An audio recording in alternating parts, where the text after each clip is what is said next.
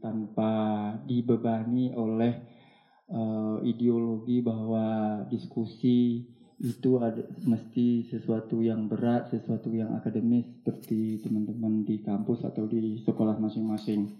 Semoga kita bisa ngobrol dengan uh, enak, dengan lancar, bisa bertukar pikiran, bisa saling berbagi uh, pengalaman. Lebih tepatnya berbagi cerita. Kenapa hal ini yang saya sampaikan di awal? Uh, dari sekian rangkaian mengaji posonan yang telah diawali sekitar 10 hari yang lalu ya, kurang lebih. Ya, 10 hari yang lalu di awal itu sudah bicara tentang landasan filosofis, landasan epistemologis dan landasan-landasan lain dari Islam berkebudayaan yang jadi tema pengajian uh, ngaji posonan kita pada tahun ini. Nah, dari situ ada beberapa tema yang kemudian dapat kita jadikan contoh kasus bagaimana Islam berkebudayaan itu diterapkan oleh masyarakat kita.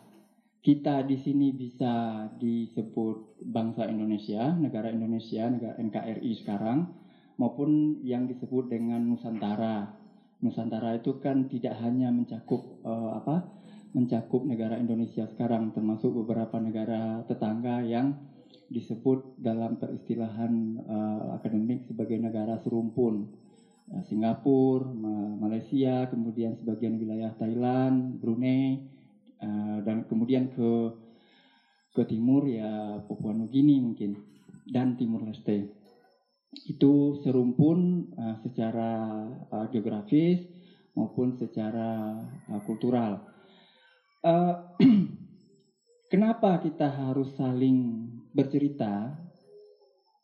Karena apa yang diomongkan pada tahap konsep Islam berkebudayaan di pertemuan-pertemuan awal kemarin itu tidak akan menjadi pengetahuan yang menubuh tidak akan menjadi pengetahuan yang menjadi laku bagi keseharian kita jika hanya uh, terbatas pada wacana, pada obrolan, pada uh, omongan yang ada di forum diskusi kayak gini maupun omongan yang ada di forum-forum diskusi, forum-forum talk show yang ada di media maupun di tulisan-tulisan akademik.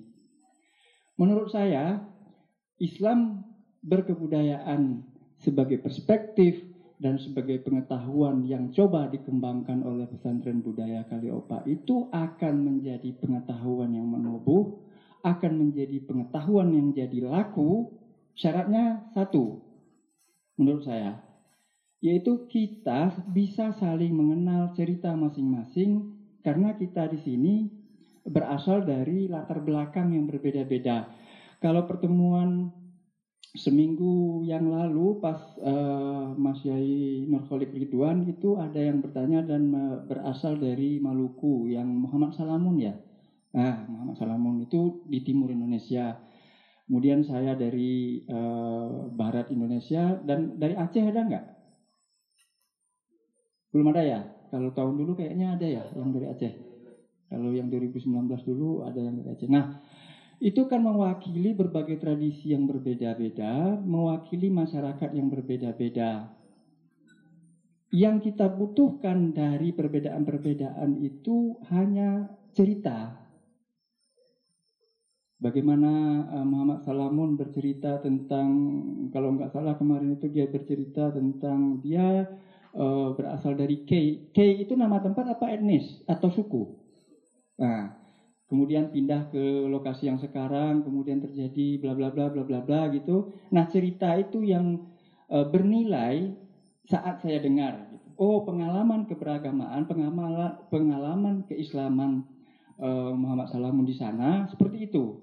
Dan kali ini saya diberi kesempatan juga untuk menceritakan pengalaman saya sebagai orang Minang e, kepada teman-teman yang barangkali tidak tahu atau belum tahu sepenuhnya tentang apa itu matrilineal, apa itu rendang, apa itu uh, surau, dan lain sebagainya. Iya. Uh, sebelum saya lanjut, saya uh, ingin menggarisbawahi bahwa apa yang saya omongkan ini adalah sebatas apa yang saya tahu, karena saya uh, kita di sini dihadiri oleh teman-teman dari Minang yang juga uh, ahli uh, dari kebudayaan Minangkabau itu sendiri, praktisi, dan tentu punya cerita yang ber, mungkin saja berbeda dengan saya yang akan saya sampaikan yaitu yang bikin blog di gazebo sana ada, Alfi, ada Angku Heru, ada Giri. Uh, baik, yang ingin saya katakan pada obrolan kita kali ini itu adalah sirkulasi sumber daya. Kemarin kalau tidak salah pembicara uh, Lutfi itu bicara tentang tanah. Nah, setiap masyarakat itu kan memiliki uh, sumber daya supaya masyarakat itu bisa berbuat sesuatu. Gampangannya begini, manusia hidup untuk berjalan saja dia butuh tenaga. Nah, sumber tenaga itu dari mana? Ya dari nasi dan air yang dia minum. Itu minimal. Nah begitu juga masyarakat, jika dia ingin berbuat sesuatu, apakah itu ingin maju, ingin memperbaiki kondisinya, atau ingin mengantisipasi bahaya yang mengancam, atau ingin memperbaiki kondisi negatif, kondisi buruk yang ada, dia harus berbuat sesuatu untuk berbuat sesuatu itu, untuk memperbaiki keadaan, untuk memajukan dirinya, masyarakat butuh sumber daya atau sumber kekuatan. Nah, itu satu. Itu yang dimaksud, yang saya maksud di dalam obrolan kali ini dengan sumber daya. Yang kedua, sumber daya itu di dalam masyarakat pasti mengalami sirkulasi, beredar, pindah sirkulasi atau perpindahannya itu bisa vertikal turun melalui pewarisan. Jadi misalnya tanah atau duit sebagai sumber kekuatan itu kan bisa dipindahin dari bapak ke anak. Kalau bapak meninggal diwariskan ke anak, kira-kira kan gitu. Bisa juga perpindahan atau peredaran sumber daya tadi itu secara vertikal. Eh sorry, secara horizontal ke samping atau ke depan atau ke belakang. Melalui apa? Melalui jual beli, melalui hibah atau pemberian, melalui wakaf dan lain sebagainya. Misalnya eh, sekarang Anda eh, keluarga Anda punya tanah atau punya sapi atau punya mobil, lalu Anda nunggak uang kuliah Nah, untuk mengatasi itu, sumber daya yang dimiliki, properti yang dimiliki itu dipindahkan dengan cara dijual. Uh, tanah tadi dimiliki oleh orang lain, lalu uh, Anda atau keluarga Anda mendapat uh, duit untuk membayar tunggakan uang kuliah. Nah, berpindah dia sumber daya tadi. Nah, jadi itu bentuk-bentuk sirkulasi dari sumber daya tadi ada yang vertikal turun gitu, ada yang horizontal ke samping. Itu pertama. Selanjutnya, bentuk-bentuk sumber daya atau jenis-jenis sumber daya yang dipakai satu masyarakat untuk membuat berbuat sesuatu, mengupayakan sesuatu, setidaknya ada tiga macam. Sumber daya ekonomi, sumber daya pengetahuan dan budaya, dan yang ketiga sumber daya sosial dan kelembagaan. Saya ulangi, sumber daya ekonomi, sumber daya pengetahuan dan budaya, yang ketiga sumber daya sosial dan kelembagaan.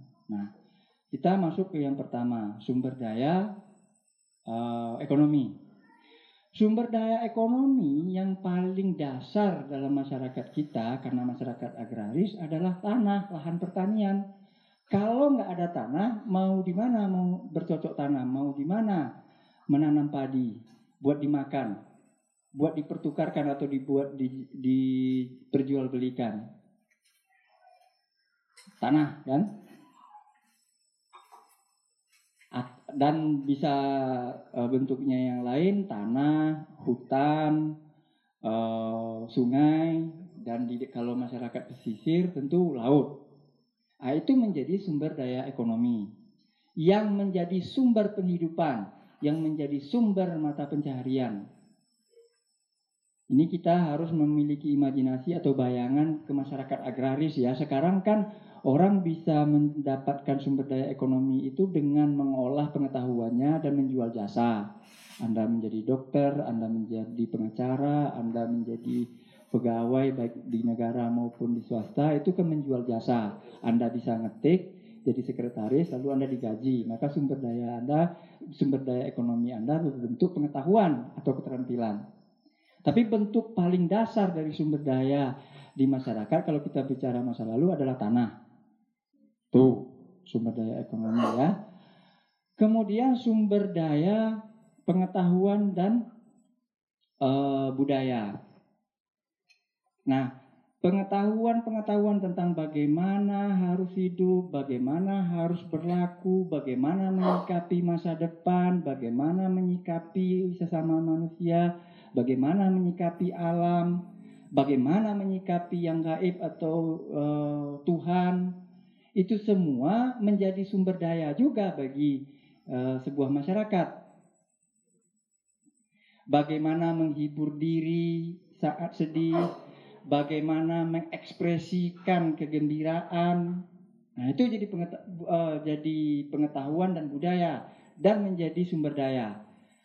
Orang kalau mau panen, kalau setelah panen, masyarakat setelah panen besar, panen raya gitu kan gembira karena telah diberi rezeki oleh Tuhan kan gitu kira-kira. Nah, untuk mengungkapkan rasa gembira, rasa syukur ke atas rezeki yang diperoleh itu, maka diadakan acara. Ada pesta rakyat, di pesta rakyat itu ada makan-makan dengan uh, menu yang khusus, ada acara kesenian dengan tampilan entah itu nyanyi, entah itu drama dan lain sebagainya. Semua itu menjadi sumber daya pengetahuan dan budaya. Karena manusia butuh itu, nggak cuma butuh makan dan minum di sumber daya yang dipenuhi oleh sumber daya ekonomi tadi. Yang terakhir, sumber daya sosial dan kelembagaan. Di situ ada hukum, bentuknya ya, ada pemerintahan, ada pendidikan, dan lain sebagainya. Apa guna sumber daya sosial dan kelembagaan ini? Untuk mengatur hidup orang banyak kalau nggak diatur hidup orang banyak di tengah masyarakat ini, masyarakat itu kan terdiri dari individu-individu-individu. Kalau nggak ada yang mengatur, maka yang terjadi adalah kekacauan.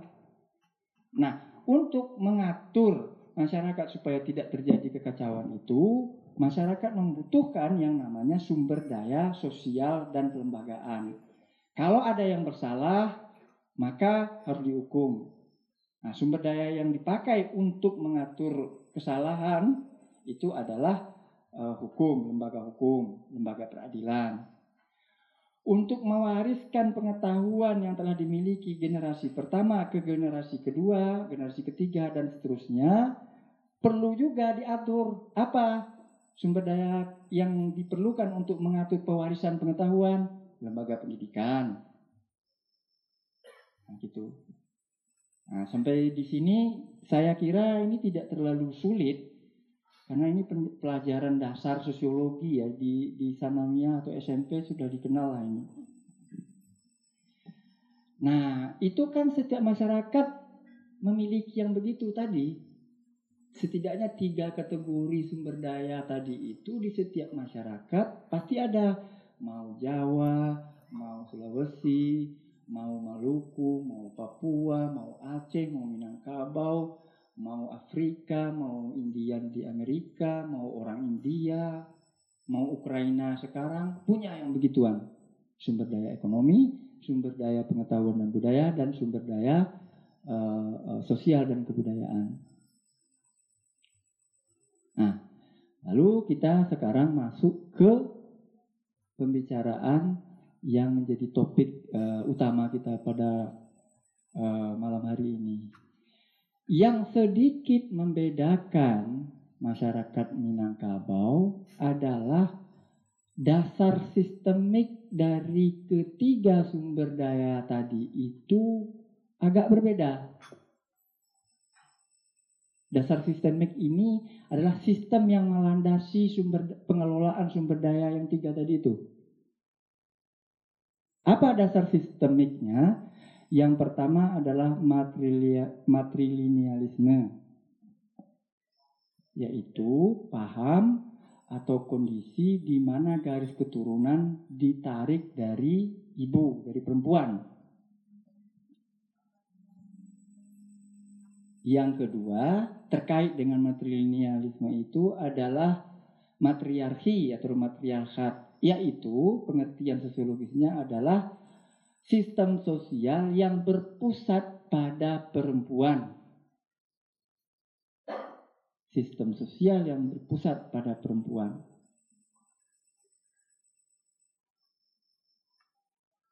Nah, sampai di situ sudah kebayangkan kenapa saya memberanikan diri untuk sedikit bercerita kepada teman-teman sekarang.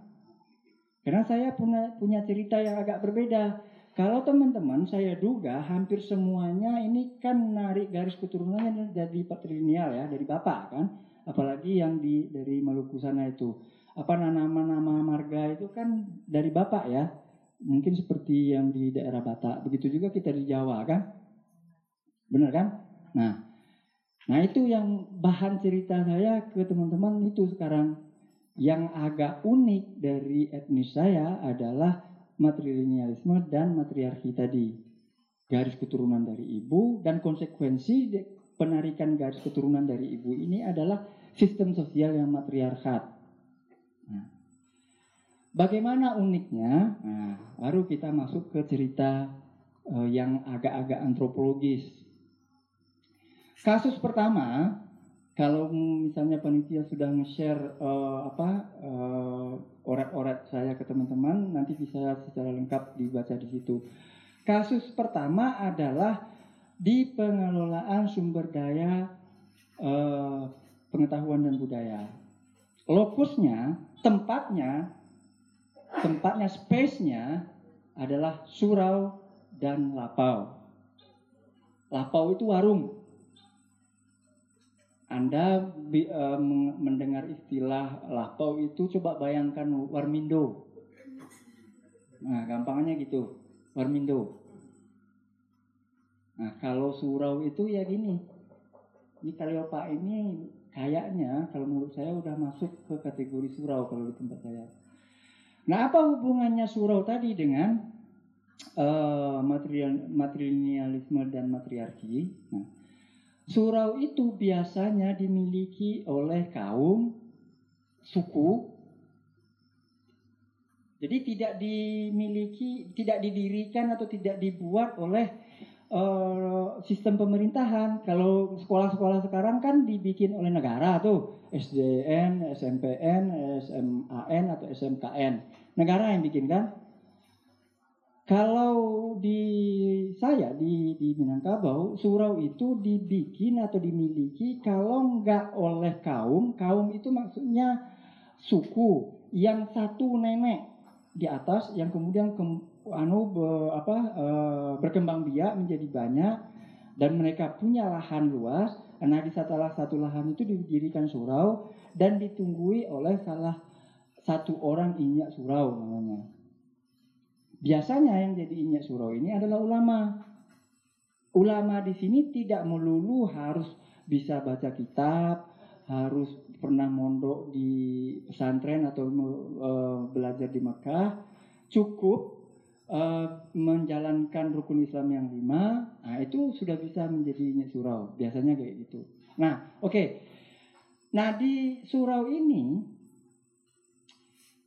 surau ini musola ya, jadi tidak dipakai untuk Jumat. Nah, aktivitas di surau itu belajar ngaji, belajar belajar baca Al-Qur'an. belajar adat. Belajar adat itu maksudnya bagaimana? Belajar adat itu yang pertama yang diperkenalkan adalah belajar retorika. Retorika berbahasa formal dalam adat yang memakai pepatah pepeti, petiti, yang memakai bahasa-bahasa metaforik, yang tidak bahasa-bahasa uh, keseharian. Nah, di situ dipelajari. Juga itu bagi yang muda-muda. Nah, sementara bagi yang sudah yang agak dewasa, remaja tapi belum nikah itu akan mempelajari hukum Islam. Sifat 20, dasar-dasar uh, akidah dan fikih. Lalu bagi yang tua-tua itu akan belajar tasawuf, tarikat dan uh, mengamalkan zikir di malam hari. Nah, di malam hari tengah malam itu biasanya bagi yang muda-muda yang masih kuat secara fisik itu biasanya belajar silat atau belajar randai yaitu seni drama eh, drama tradisional yang basicnya adalah pencak silat. Nah itu cari aja di YouTube. Nah itu pengetahuan keagamaan, pengetahuan Islam dan pengetahuan eh, budaya bersirkulasi di surau. Nah, siapa yang ada di surau itu nggak ada perempuan. Nah, tujuan surau itu dibikin pertama-tama bukan untuk lembaga pendidikan, melainkan untuk mengakomodasi para lelaki yang sudah balik berakal ini, dia nggak boleh tidur di rumah gadang, di rumah keluarganya. Karena kalau masih bujangan, tidak punya pasangan, tidak punya istri, bujang atau duda, itu memalukan kalau masih tidur di rumah. Jadi laki-laki di Minang saya dan itu beberapa orang Minang di sana tuh, itu tidak punya kamar di rumahnya sendiri, nggak punya kamar. Kalau tidur di rumah, karena ada saudara perempuannya, itu memalukan akan dianggap masih tidur di dalam rok saudari perempuannya atau di bawah ketiak ibunya. Jadi usia-usia 7-8 tahun itu, bahkan lebih kecil dari itu, udah tidur di surau. Nah, sirkulasi pengetahuan tentang bagaimana jadi orang di Minangkabau, bagaimana jadi laki-laki di Minangkabau itu diperoleh di surau pengetahuan agama, pengetahuan adat, pengetahuan untuk hidup, bertani, beternak, bertukang dan seterusnya dan seterusnya diperoleh di surau. Kebayang nggak hubungannya dengan material tadi? Kebayang kan?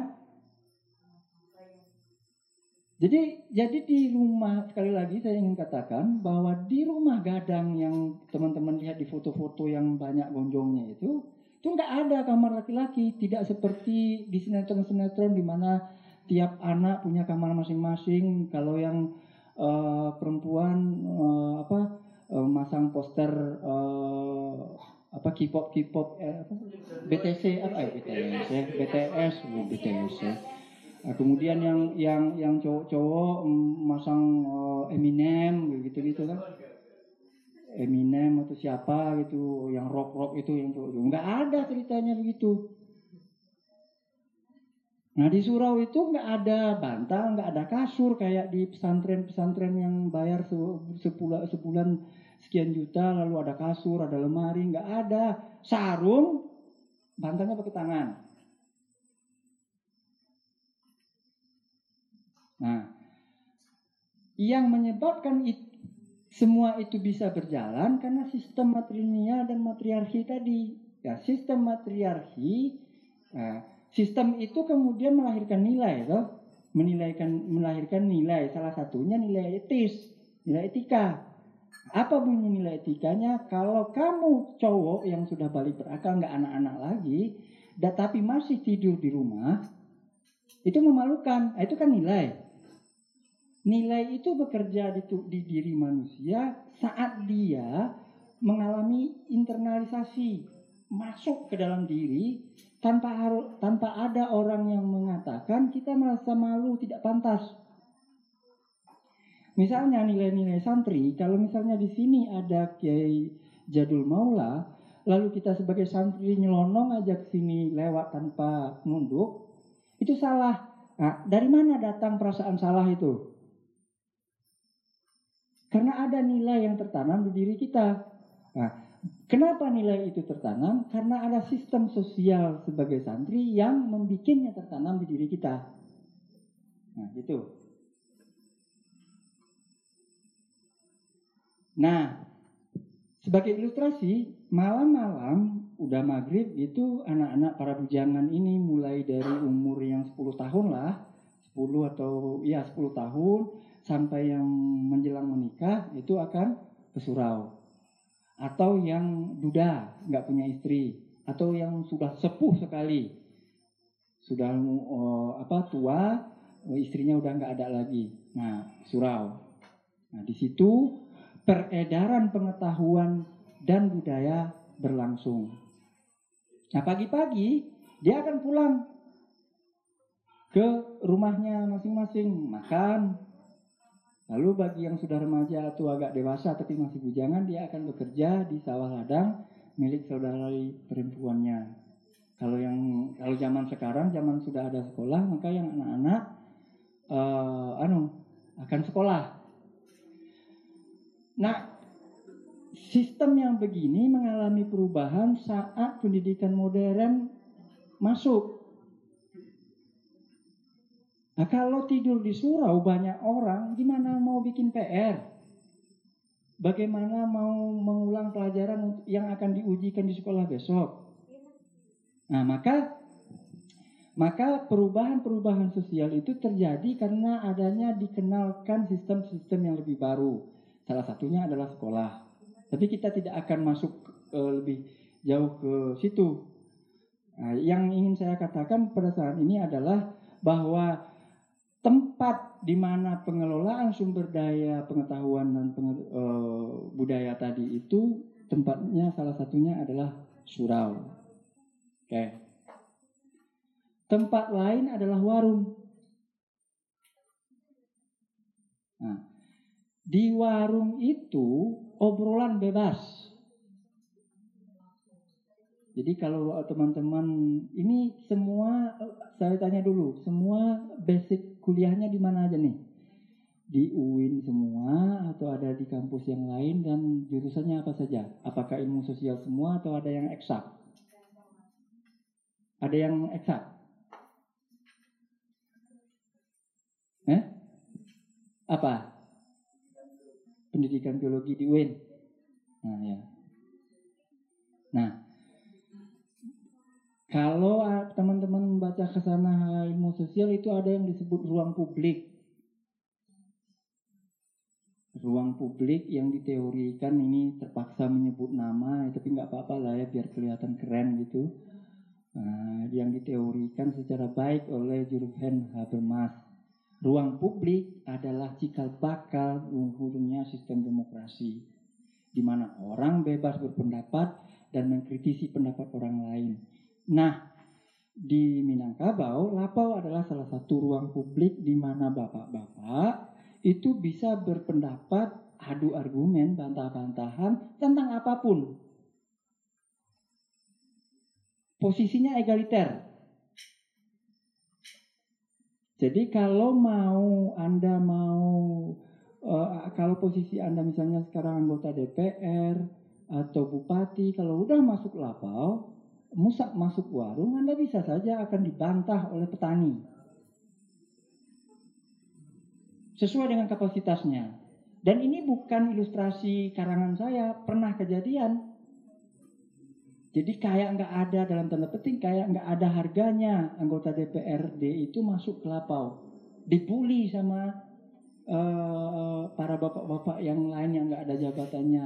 Secara kebetulan si anggota DPRD ini berasal dari partai uh, yang tidak mayoritas di kampung di mana lapau itu berada, di mana warung itu berada. Nah, jadi kenapa Lapau akhirnya menjadi ruang publik bagi uh, masyarakat Minangkabau? Apa hubungannya dengan sistem matrilineal dan uh, matriarki tadi? Nah, begini, laki-laki yang sudah menikah di Minangkabau ini situasi ideal ya. Kalau kondisinya sekarang tidak persis seperti ini lagi. Laki-laki di Minangkabau itu dia bekerja mengolah lahan sumber daya ekonomi tadi. Ingat ya, yang sumber daya ekonomi tadi itu di lahan milik ibunya untuk kepentingan anak-anak saudara perempuannya. Bukan untuk kepentingan anaknya yang di rumah istrinya. Nah kasarnya laki-laki di Minang itu kasarnya ya, ini mohon maaf bahasanya rada vulgar.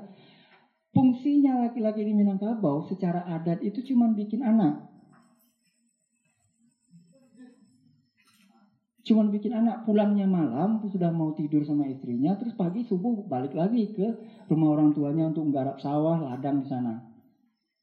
Sementara anaknya ini kebutuhan ekonomi, kebutuhan makan, minum dan seterusnya anaknya ini ditanggung oleh saudara laki-laki ibunya si anak, saudara laki-laki istri saya misalnya.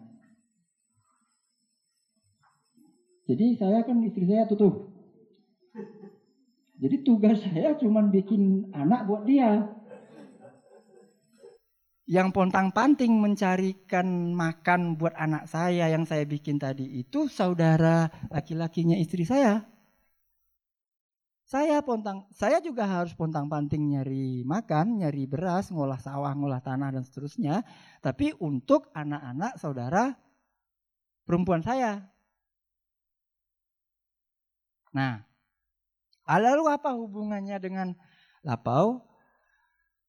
Saat subuh datang, sholat dan mandi wajib gitu ya, karena ilustrasinya tadi bikin anak, itu tentu mandi wajib, sholat subuh gitu. Nah, lalu mau berangkat ke rumah orang tua, ke sawah milik milik uh, kaum, milik kaum. Ini kaitannya dengan uh, uh, konflik uh, sumber daya ekonomi nanti, milik kaum. Nah menjelang sampai ke rumah ibu, saya mampir di warung tadi untuk ngopi dan sarapan pagi. Sekitar satu jam atau satu setengah jam. Dari jam 5 sampai jam ya jam 6 atau setengah 7 lah. Nah di situ baru update berita. Kalau dulu misalnya ya peristiwa-peristiwa yang ada di sekitar kampung. Lalu masuk radio, nah, berita-berita yang ada di radio Lalu masuk televisi, nah, yang diobrolkan apa yang diobrolkan televisi. Dan sekarang di Facebook dan segala macam medsos-medsos ini ya itu yang pemicu debatnya. Jadi jadi pembicaraan di Lapo di warung itu lebih canggih dari analisis Rocky Gerung. Enggak mau kalah itu debat gitu, apalagi pemilu kemarin. Wah, jangan parah gitu. Lalu apakah ada titik uh, kesimpulan dari obrolan di Lapo? Itu nggak ada. Wong, wong namanya ngobrol itu kan nggak ada nggak ada pemicu pendahuluannya seperti anda bikin makalah atau skripsi nggak ada pendahuluan rumusan masalah terus uh, apa bab kesimpulan uh, apa saran-saran nggak ada itu kalau misalnya hari ini udah udah tinggi hari ini uh, yuk kita ke sawah udah bubar nanti sore ah Nanti sore kan setelah dari ladang, sekitar habis asar itu kan dia naruh cangkulnya, aritnya di rumah ibunya tadi, mandi dan seterusnya, salat asar, nah, lalu pulang ke tempat istrinya. Sebelum nyampe di tempat istrinya, dia akan mampir lagi ke lapau. Ngopi lagi. Ngemil lagi, entah goreng, entah apa gitu. Ah, ngobrol lagi dengan topik yang lain dari yang tadi pagi. Atau bisa jadi dia setelah balik dari ladang di keluarga ibunya ini dia pulang dulu ke rumah istrinya mandi setelah uh, apa setelah uh, maghrib ke warung kelapau tadi ngobrol sampai malam. Jadi bagi laki-laki Minang yang sudah berkeluarga itu istilah family time itu nggak ada. Nonton sama anak-anak uh, sinetron ikatan cinta, lalu ada mertua, ada ipar, itu memalukan. Memalukan. Misalnya saya di rumahnya Devi, terus nonton Ikatan Cinta, sehabis makan malam. Terus di situ ada saudara-saudara perempuannya, ada mertua saya, melototin TV, ikatan cinta, lalu ada orang peluk-pelukan, segala macam. Ya Allahu Rabbi, itu memalukan. Nah, jalan keluarnya apa? Saya harus ke Lapau. Ngopi. Jadi Jogja adalah surga bagi saya karena banyak warung kopi. Mulai dari zaman Belandongan itu masih lesehan sampai sekarang yang nggak karu-karuan uh, surga gitu saya. Itu. Jadi bisa dibayangkan bagaimana etika anu hubungan antara laki dan perempuan itu segregasinya sangat jangankan nonton anu yang sensor-sensor gitu kan film-film yang ada adegan-adegan dewasanya mendengar apa dialog cinta-cintaan itu udah malu merah saja telinga ini kalau ada saudara perempuan istri, ada mertua, wah. Memalukan. Jadi jalan keluarnya bagaimana? Di lapau.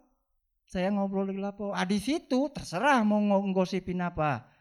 Mau nggosipin siapa? Uh, Maria Ozawa. Iya boleh.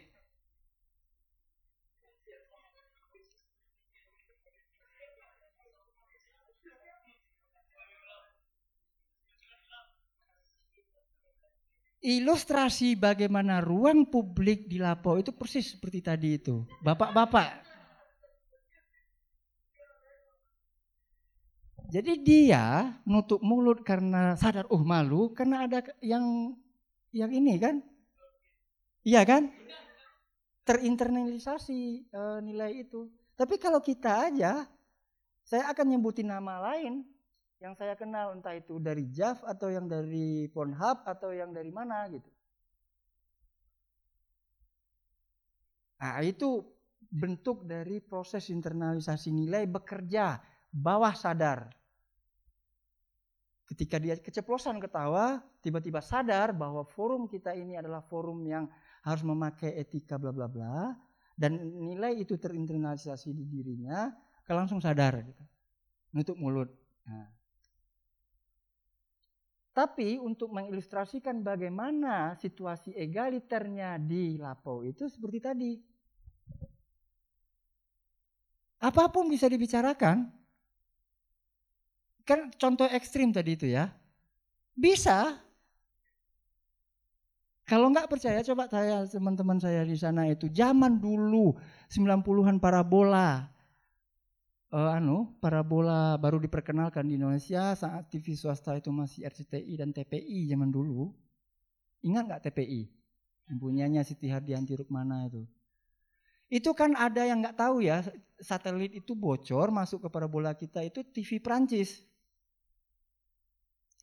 TV Prancis itu kadang-kadang uh, memutar film ratingnya yang X atau XX bukan triple X.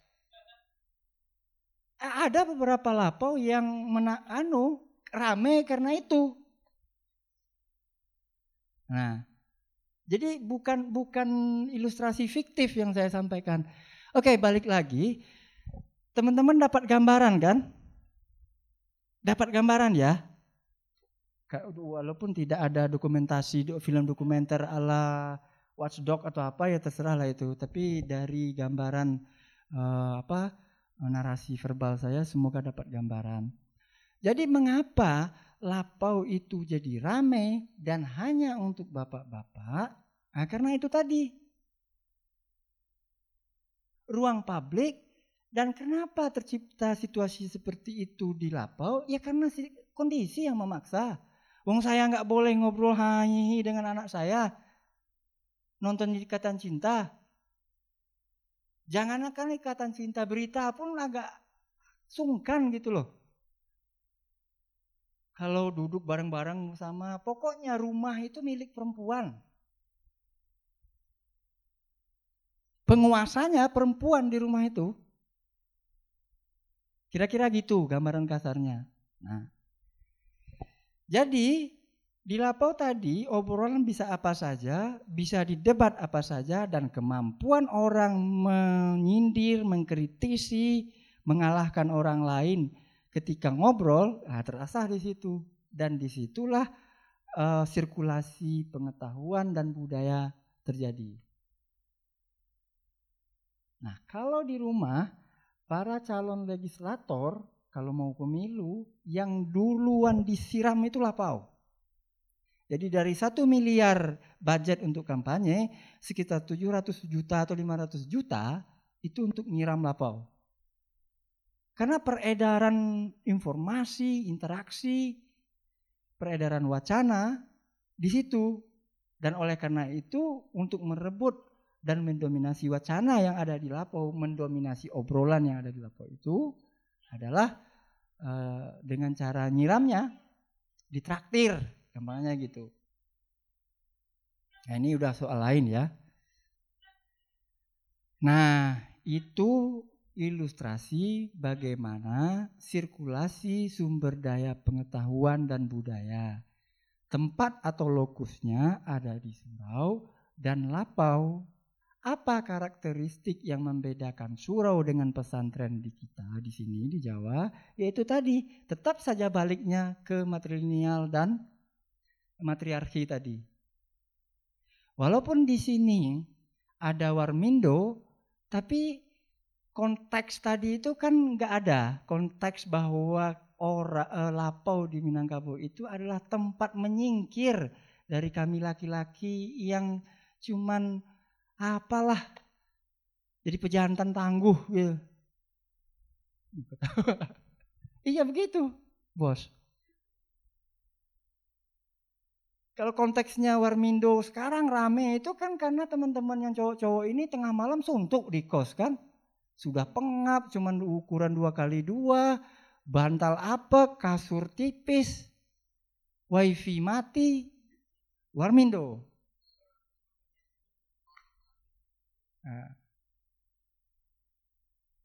itu sumber daya uh, pengetahuan dan budaya. Sekarang, nah ini yang agak ruwet dan sampai sekarang belum ada penyelesaiannya. Dan yang paling yang paling menarik salah satunya bagi peneliti-peneliti baik yang berhidung mancung dan berambut pirang maupun berhidung pesek dan bercukup sawo matang adalah persoalan ini. Cerita pewarisan. Jadi di rumah di Minangkabau itu secara adat harta itu diwariskan ke perempuan. Yang laki-laki nggak dapat apa-apa, cuman ngolah nggak dapat bagian. Kalau bagiannya cuman buat makan aja. Kan sudah saya ilustrasikan tadi ya. Saya tidur sama istri saya. Pagi bangun, bekerja di lahan kaum saya. Artinya yang dikuasai oleh ibu dan saudara-saudara perempuan saya. Nah, saya nanam padi, segala macam, segala macam, dan hasilnya itu untuk kepentingan anak-anak dari saudara-saudara perempuan saya, yaitu kemenakan saya. Nah, sementara anak saya di rumah istri saya juga jadi tanggung jawab oleh saudara eh, laki-laki istri saya. Kalau bahasa di sininya ipar ya. Nah, ketika ibu saya meninggal, yang dapat bagian tanah itu adalah saudara perempuan saya. Saya nggak dapat apa-apa. Kalaupun dikasih, itu dipinjamkan. Karena misalnya saya erokoso, miskin gitu. Uang kebutuhan eh, apa kebutuhan ngopi sekian puluh ribu, ternyata penghasilnya cuma lima ribu. Lalu dipinjamkan oleh kaum saya tanah ke saya. Nah, itu bukan bukan bukan diwariskan ke saya, diberikan ke saya. Saat saya meninggal, saya tidak bisa mewariskan tanah dari ibu saya itu ke anak saya, tapi harus dikembalikan ke anak-anak saudara perempuan saya. Nah, yang jadi masalah adalah hukum Islam kan nggak begitu. Nah, hukum Islam kita laki-laki ini menang. Kita dapat dua, yang perempuan dapat satu. Nah kalau hukum adat di Minangkabau itu jangankan dapat dua, dapat satu pun enggak. Sebenarnya saya milih hukum Islam sih. Eh tapi gimana lagi? Saya juga dilahirkan sebagai orang Minang gitu.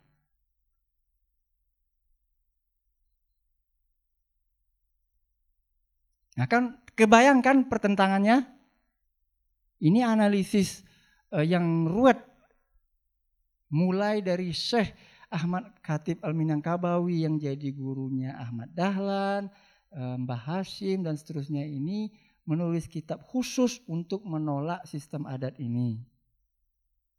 Kitabnya itu berbahasa Arab lalu disyarah ke bahasa Melayu dengan tulisan pegon.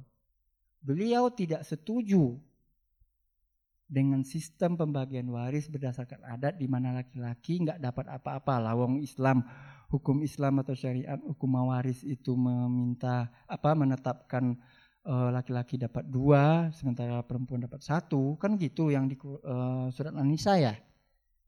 Kalau nggak salah. Salah satu alasan mengapa Syekh Ahmad Khatib Al-Minangkabawi itu tidak balik ke Indonesia setelah belajar di Mekah, konon katanya adalah itu. Enggak, wah aku anu pulang ke kampung halaman yang jahiliyah mau aku gitu. Iya tuh oleh oleh, apa-apa gitu. Kan dua kali rugi itu. Uang hidup di tengah masyarakat jahiliyah nggak dapat lagi gitu. Mending di Mekah aja ah, ngajar di Haramain ini gitu. Kira-kira gitu. Ah, tapi yang menjadi menarik adalah eh, pilihannya Syekh Ahmad Khatib gitu. Lalu bagaimana sistem yang sudah berlaku ini? Nah, tawaran dari Syekh Ahmad ini kajian tersendiri sebenarnya ya. Tawaran dari Syekh Ahmad Khatib adalah bahkan asal dari harta pusaka yang diturun yang diwariskan menurut garis keturunan ibu itu adalah yang dipatok oleh orang-orang nenek moyang yang melakukan babat alas zaman dulu dan itu tidak diketahui kapan dan oleh siapa. Sehingga kalau diketahui kapan dan oleh siapa tentu bisa di tracking garis keturunannya. Nah, itu nggak bisa. Nggak ada catatannya. Tahu-tahu zaman sekarang itu bahwa harta kaum kaum ini adalah suku ya, kaum suku Caniago misalnya, si Kumbang, kalau saya si Mabua, kalau istri saya itu Salayan, nah itu bahwa ini adalah tanah pusakonya oh, kaum Salayan. Nah, itu berarti tanah istri saya yang ada di Eh, sebagian besar uh, kota Bukit Tinggi. Nah, itu nggak tahu siapa yang dulu mematok. Kalau misalnya gitu? eh? nah, itu nggak jelas. Hah? Ah, tawaran dari Syekh Ahmad Khatib adalah dikembalikan ke negara, ke Amir ke Kano, ke Umarok. Yang nggak jelas ini. Nah, yang jelas itu adalah harta pencaharian suami istri, ah, itu dibagi sesuai hukum faraidnya Islam, diwariskan ke anak, kalau ada anak laki-laki dia dapat dua bagian, nah, kemudian anak perempuan satu bagian, kira-kira gitu. Nah kalau harta yang nggak jelas juntrungannya tadi itu dikembalikan ke negara, Nah pengandaian Syekh Ahmad Khatib kan negara ini kan yang ideal. Khalifah zaman Nabi lah ya. Lah kalau negaranya sekarang. Hmm, kamu negara. Wah kebetulan nih. Gak apa-apa. Ikuti fatwanya Syekh Ahmad Khatib aja. Diterima oleh negara lalu dibikinlah apa pabrik segala macam segala macam dengan kata lain, tawaran dari Ahmad Khatib itu tidak bisa bunyi di tengah masyarakat, dibantah. Enggak dituruti. Ya terserahlah, dia kan di Mekah, yang kita kan ya gitu kira-kira. Nah, di pertengahan abad 20 ada jalan keluar yang lain. Yang dirumuskan oleh beberapa ulama kaum tua, kaum tradisionalis yang di di Jawa ini menjadi uh, ulama-ulama uh, pendiri nah, Nahdlatul Ulama. Kalau di Minangkabau itu kan namanya ulama kaum tua. Salah satunya adalah Syekh Sulaiman Al-Rasuli, pendiri pondok pesantren saya. Dan ayahnya Buya Hamka, Syekh Abdul Karim Amrullah atau yang lebih dikenal dengan sebutan ini doktor karena beliau yang S3 dapat uh, apa honoris causa dari Al Azhar. Nah, jalan keluarnya adalah membagi harta itu menjadi dua jenis. Harta pusaka tinggi dan harta pusaka rendah. Harta pusaka tinggi adalah harta pusaka yang memang diwarisi turun temurun kaum tadi yang nggak jelas Juntrungannya siapa yang mematok pertama kali dulu? Nah, itu yang diwariskan menurut garis keturunan ibu. Sementara harta yang diperoleh karena pencarian suami istri, nah maka itu dibagi sesuai dengan faraid Islam. Misalnya, saya dengan istri saya uh, uh, uh, apa um, bekerja gitu entah ke sawah atau jadi dosen entah jadi apalah entah anu ngamen dapat duit lalu dibelikan tanah. Itu kan pencarian saya. Nah itu yang dibagi ke anak saya sesuai dengan faraid Islam. Tapi kalau harta uh, yang diterima istri saya dari kaumnya itu nggak boleh dibagi menurut faraid Islam, tapi diserahkan ke anak kami yang perempuan. Anak laki-laki nggak dapat. Nah, ruwet toh? Iya, kalau harta harta ini sedikit. Kalau luasnya sekacamatan gimana? Bisa bunuh-bunuhan.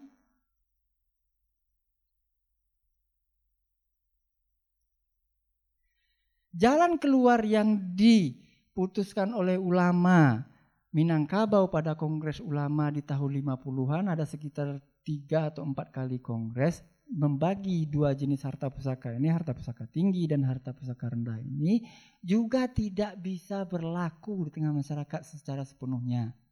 Jangankan penegakan Islam uh, perda syariah syariah yang anu, jangan ke ulama besar-besar yang sudah menetapkan begini nggak jalan.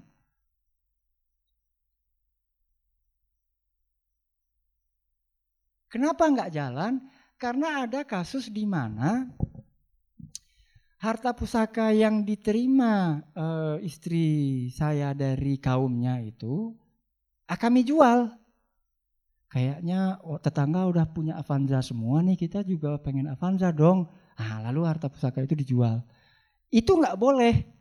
Harta pusaka kaum itu tidak boleh digadai, apalagi dijual cuman boleh digadai untuk kondisi-kondisi yang emergensi yang tercermin dalam pepatah mayat terbujur di tengah rumah, nggak ada biaya pemakaman dan seterusnya, atau anak gadis yang belum berlaki, anak gadis halun balaki, perawan tua.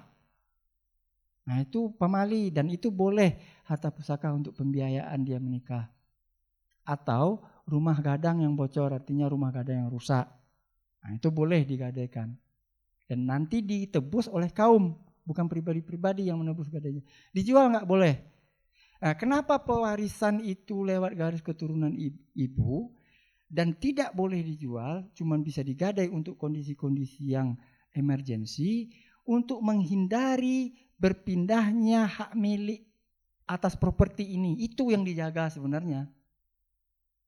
Nah, sementara di dalam hukum mewaris Islam itu hak milik dalam pengerti adalah dalam pengertian barat.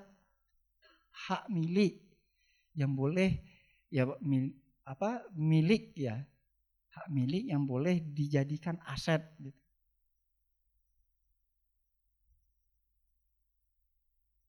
Nah, terakhir yang jadi konteks kita pembicaraan kita pada malam hari ini adalah Situasi di Minangkabau itu penuh penuh apa?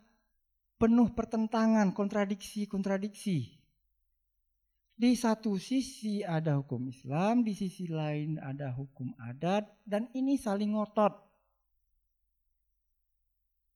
Saling ngotot untuk mengatakan dia yang paling benar. Namun di tengah masyarakat, Dua kontradiksi ini tidak bisa saling mematikan. Artinya selama ini kan dibilang bahwa Islam yang menang enggak juga. Dibilang adat yang menang, enggak juga. Kompromi terus-menerus, dinamikanya kompromi terus-menerus. Kompromi terus-menerus. Nah, lalu untuk penutup uraian saya dari ilustrasi tadi itu, bagaimanakah kaum muslimin di Minangkabau menjalani hidupnya, bagaimana pengalaman berislamnya kalau kita konsisten dengan tema Islam berkebudayaan, maka pertanyaannya adalah bagaimana pengalaman kaum muslimin di Minangkabau itu berislam? Pengalamannya adalah seperti ini ilustrasinya atau metaforanya. Apa misalnya ada pertanyaan seperti apakah Islam di Minangkabau seperti ayam air di mangkok atau air di tempayan? Dua entitas ini bisa dipisahkan, bisa dilihat, bisa ditentukan ini yang eh, mangkok, ini yang air. Tapi tidak bisa dipisahkan. Artinya dia akan selalu, selalu mengalami kontradiksi-kontradiksi dan pertentangan, tapi ketika diceraikan keduanya mati. Kira-kira begitu. Jadi saya mengutip uh, apa salah satu kitab karangan Syekh Sulaiman Ar-Rasuli yang merupakan uh, pendiri pondok saya. Itu Islam di Minangkabau itu seperti aur dan terbing. Aur itu ini loh, bambu-bambu tapi yang kecil-kecil yang kuning. Tahu kan? Apa bahasa Jawa? Bambu bukan yang itu itu uh, uh, terlalu gede, yang kuning-kuning yang kecil. Gede ya. Nah, hubungannya atau Islam memang Minangkabau itu seperti aur dan tebing. Sandar menyanda, artinya sandar menyandar, saling membutuhkan. Kalau nggak ada aur itu, tebing akan runtuh karena digerus air.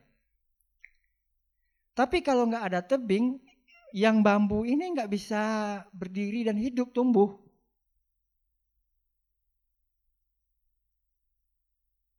Kira-kira kebayangkan? Nah, terakhir yang ingin saya katakan adalah godaan bagi orang-orang seperti saya, seperti saya maksudnya orang Minang lalu mengenyam pendidikan modern yang ala-ala akademis dan ilmiah ini, godaannya adalah untuk selalu mencari mana yang asal, mana yang pendatang, mana yang lebih baik dan mana yang nggak baik, mana yang murni, mana yang bid'ah. Itu godaannya atas nama objektivitas ilmiah. Sementara bagi masyarakat awam yang tidak berpretensi memakai ideologi ilmiah, mereka menjalani kontradiksi ini sebagai hidup, laku hidup. Gak ada yang mempersoalkan apakah ini sesuai dengan faraday Islam. Tidak, uang seperti itulah adat kita. Adat kita ini yang bagaimana? Iya adat bersandi sarak, sarak bersandi kitabullah. Bahwa orang Minang itu adalah Islam. Kalau nggak Islam bukan orang Minang, titik. Gak ada itu. Bagaimana dengan isu pluralisme, HAM dan seterusnya? Tai kucing. Yang membawa hal-hal ini kan orang-orang seperti saya yang sekolah lalu diracuni dalam tanda petik oleh ideologi ilmiah Nah godaannya sekali lagi saya ingin tegaskan ke kawan-kawan dan ini bagian dari uh, salah satu apa ya salah satu prinsip yang saya pegang untuk menerima dauh Mas Yai Jadul Maula mengembangkan Islam berkebudayaan adalah bahwa kita yang sekolah di dalam lembaga pendidikan modern ini selalu digoda dan tergoda untuk berpretensi ilmiah. Apa maksud pretensi ilmiah itu? Untuk selalu mencari yang lebih murni, yang lebih benar, yang lebih asal. Kalau begitu, maka kita tidak akan bisa lepas dari oh, logika biner, oposisi biner. Kalau ada yang asal, tentu ada yang pendatang. Kalau ada yang murni, tentu ada yang tidak murni. Kalau ada yang uh, apa namanya uh, ortodok, maka ada yang heterodok. Nah, dari prinsip ini, maka metodologi kita yang kita miliki di dalam diri kita akan mencari-cari, oh ini yang asli nih. Ini Islam Islam yang asli nih. Ini yang uh, udah kecampur dengan adat nih. Kalau kalau di sini ya godaan untuk memakai kategori gears itu Islam, abangan, apa santri, abangan dan apa satu lagi priai dan seterusnya. Dasarnya itu menurut saya adalah godaan ideologi ilmiah untuk selalu mencari yang asal dan yang bukan asal. Nah, lalu bagaimana menyikapi itu? Kita harus mengkritisi ideologi itu dengan cara apa tidak bisa kita hidup tanpa harus memikirkan mana yang asli dan mana yang enggak. Pokoknya kita gaya. Terserah mau KW atau enggak, yang penting kita gaya. Bisa hidup. Nah, nah itu mari kita sama-sama cari. Demikian saja perbanyak maaf kalau ada yang salah mohon kita koreksi bersama-sama. Jika ada yang salah saya mohon ampun kepada Allah Subhanahu wa taala. Saya kembalikan kepada yang terhormat Mas Wahyu. Oke, terima kasih. Sangat menarik sekali diskusi pada malam hari ini terkait dengan budaya di Minangkabau. Mungkin juga ada masih ada contoh-contoh di daerah lain di tempatnya teman-teman mungkin juga agak berbeda. Akan tetapi yang lebih menarik di sini adalah bagaimana sirkulasi sumber daya ekonomi, budaya dan pengetahuan itu eh, bahasanya kaum laki-laki itu memang tidak memiliki tempat. Intinya kan di situ, di mana di Sumatera Barat itu. Sampai pada waktu itu saya pernah di Padang itu juga ngomong orang sana itu kalau dapat orang sini itu enak. Maksudnya dapat perempuan Minang itu enak. Jadi apa-apa harta itu ya benar. Kayak apa yang dibilang Mas Inyak tadi. Tapi kalau nakal sedikit ya pulang tinggal kolor. Kan seperti itu. Jadi jadi kalau macam-macam dengan perempuan Minang ya pulangnya tinggal kolornya aja. Jadi tidak membawa harta apa pun gitu kan. Memang kan intinya itu walaupun walaupun kita sudah bekerja keras dan lain sebagainya akan tetapi harta itu tetap dimiliki oleh kaum perempuan yang dinamakan dengan matri matriarka tadi. Bener ya Mbak Mbak Mbak Devi ya? Kayak gitu. Soalnya saya diceritain kayak gitu. Dulu saya di sana kayak gitu. Dan lain sebagainya. Terus kemudian hukum adat di sana itu uh, hukum Islam di sana itu walaupun sudah ada ulama beberapa ulama memberikan alternatif-alternatif untuk bagaimana terkait dengan apa itu namanya e, pembagian waris dan lain sebagainya itu akan tetapi masih gagal. Sampai sekarang pun kayaknya masih gagal juga ya Mas ya terkait dengan hal tersebut. Padahal sudah jelas ada apa kayak semacam apa ya jargon ya mungkin ya yang tadi sudah dijelaskan juga yaitu adat basandi sarak sarak basandi kitabullah tadi jadi seakan-akan ya antara adat dan apa itu namanya dan Islam itu hukum-hukum Islam itu sebenarnya sudah menyatu ya Mas ya beberapa sudah menyatu tapi di hal pewarisan tadi itu yang sangat menarik dan sampai sekarang itu belum bisa dipecahkan terkait hal tersebut. Nah, mungkin eh, lebih menarik lagi ada berapa dari oke satu tiga lah tiga satu dua satu lagi tiga oke dari sini dulu kaum perempuan ini emansipasi perempuan 30 persen aspirasi perempuan konferensi sedau ini Baik, terima kasih atas kesempatannya. Perkenalkan nama saya uh, Baby, saya dari Malang. Sebenarnya uh, memang saya tuh tertarik dari Minang tuh saya juga suka lagu-lagunya, terus suka dengerin teman-teman cerita-cerita dari uh, ya orang-orang Minang gitu. Tapi saya nggak terlalu mendalami sekali dan baru tahu ini kalau ternyata sekompleks itu gitu.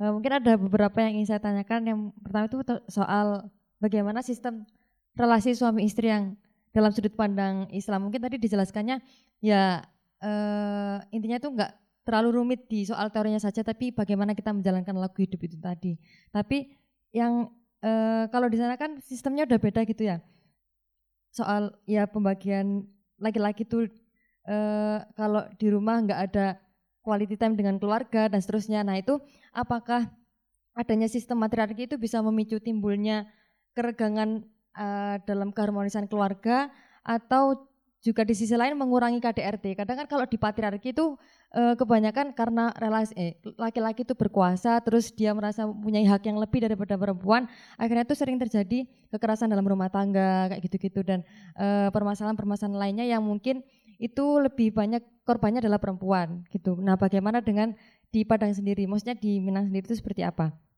Kemudian uh, yang kedua itu soal bagaimana penguatan nilai adat di Minangkabau. Karena kan banyak teman-teman saya itu yang dari Minang itu merantau gitu. Enggak di apa kalau udah dewasa itu apa mesti kayak apa kalau merantau itu punya nilai lebih gitu nilai plus.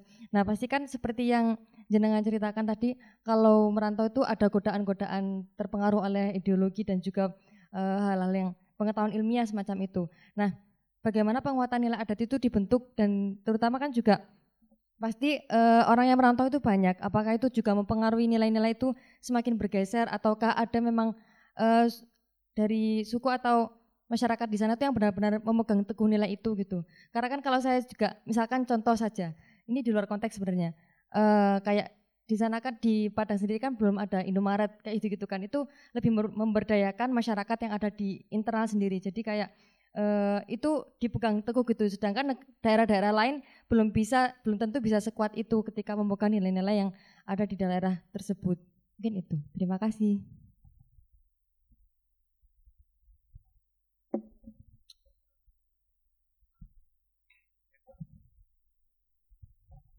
Assalamualaikum warahmatullahi wabarakatuh. Uh, perkenalkan nama saya Diwan Masnawi. Saya dari Di, Diwan. Saya dari Tasikmalaya. Uh, asik sekali ya mendengarkan cerita bagaimana lelaki di Minang hidup gitu ya. Nah, per, ke penasaran saya sih sebenarnya itu kan cerita laki-laki ya. Dari kesehariannya dari mulai tidur sampai bangun sampai kerja dan lain-lain sampai nikah dari kecil sampai nikah. Tapi saya uh, pengen uh, dengar cerita perempuannya gitu bagaimana perkasanya perempuan di sana gitu, bagaimana ongkang-ongkang kakinya perempuan gitu. Jadi mohon diceritakan bagaimana perempuan hidup di sana gitu. Terima kasih. Assalamualaikum warahmatullahi wabarakatuh.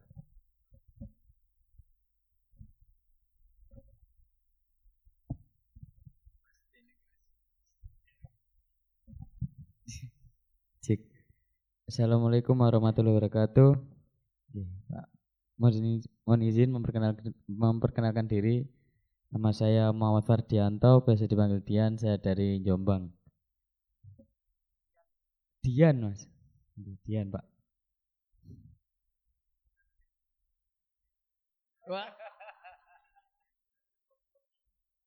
Bukan. Masih di penjara ya. Jadi, saya sedikit bertanya, kan tadi kan seorang laki-laki bisa dikatakan hanya tugasnya hanya sebagai bikin anak kalau untuk di perempuan dan yang mendaf dan yang menafkahi kan yang menafkahi anak-anak kita kan adik dari adik laki-laki dari eh kakak. G kakak. Ya pak intinya kan saudara pak ya. Lah tapi kan bisa dibilang waktu sudah ada waktu mereka itu sudah berumah tangga, mereka kan harus melibatkan hukum adat tadi. Maksudnya kan ya untuk bercengkrama dengan keluarga itu bisa dikatakan hal yang paling memalukan seperti itu.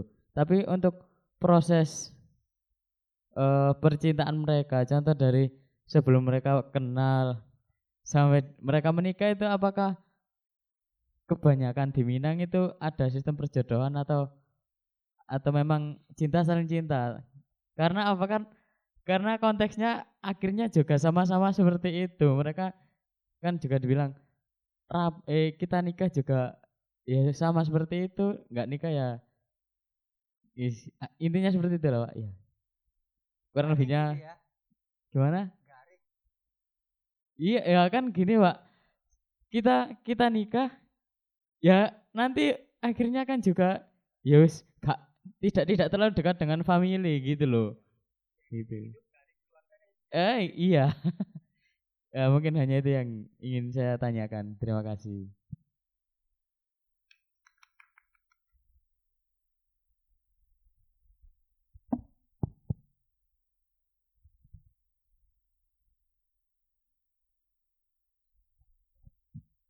Oke, terima kasih. Tadi pertanyaannya bagus-bagus semua. Pertama dari Mbak Feby itu terkait dengan bagaimana relasi suami istri dalam pandangan Islam di Minangkabau, Mas. Apakah dengan adanya matriarki itu tadi mengurangi KDR, KDRT atau yang lainnya. Terus kemudian yang kedua adalah penguatan nilai adat di Minangkabau itu dibentuk apakah ada pergeseran atau masih di, di apa dipegang dengan teguh. Terus kemudian adalah pertanyaan dari Mas Diwan itu tadi bagaimana sih kehidupan perempuan di Minangkabau itu? Apakah dia itu mendominasi ataukah dia itu eh, sangat-sangat uh, mengeksploitasi laki-laki atau gimana kan nggak tahu kita itu karena uh, hak waris itu jatuhnya semuanya ke perempuan. Nah ini yang paling menarik dari Mas Dian terkait dengan sistem percintaan.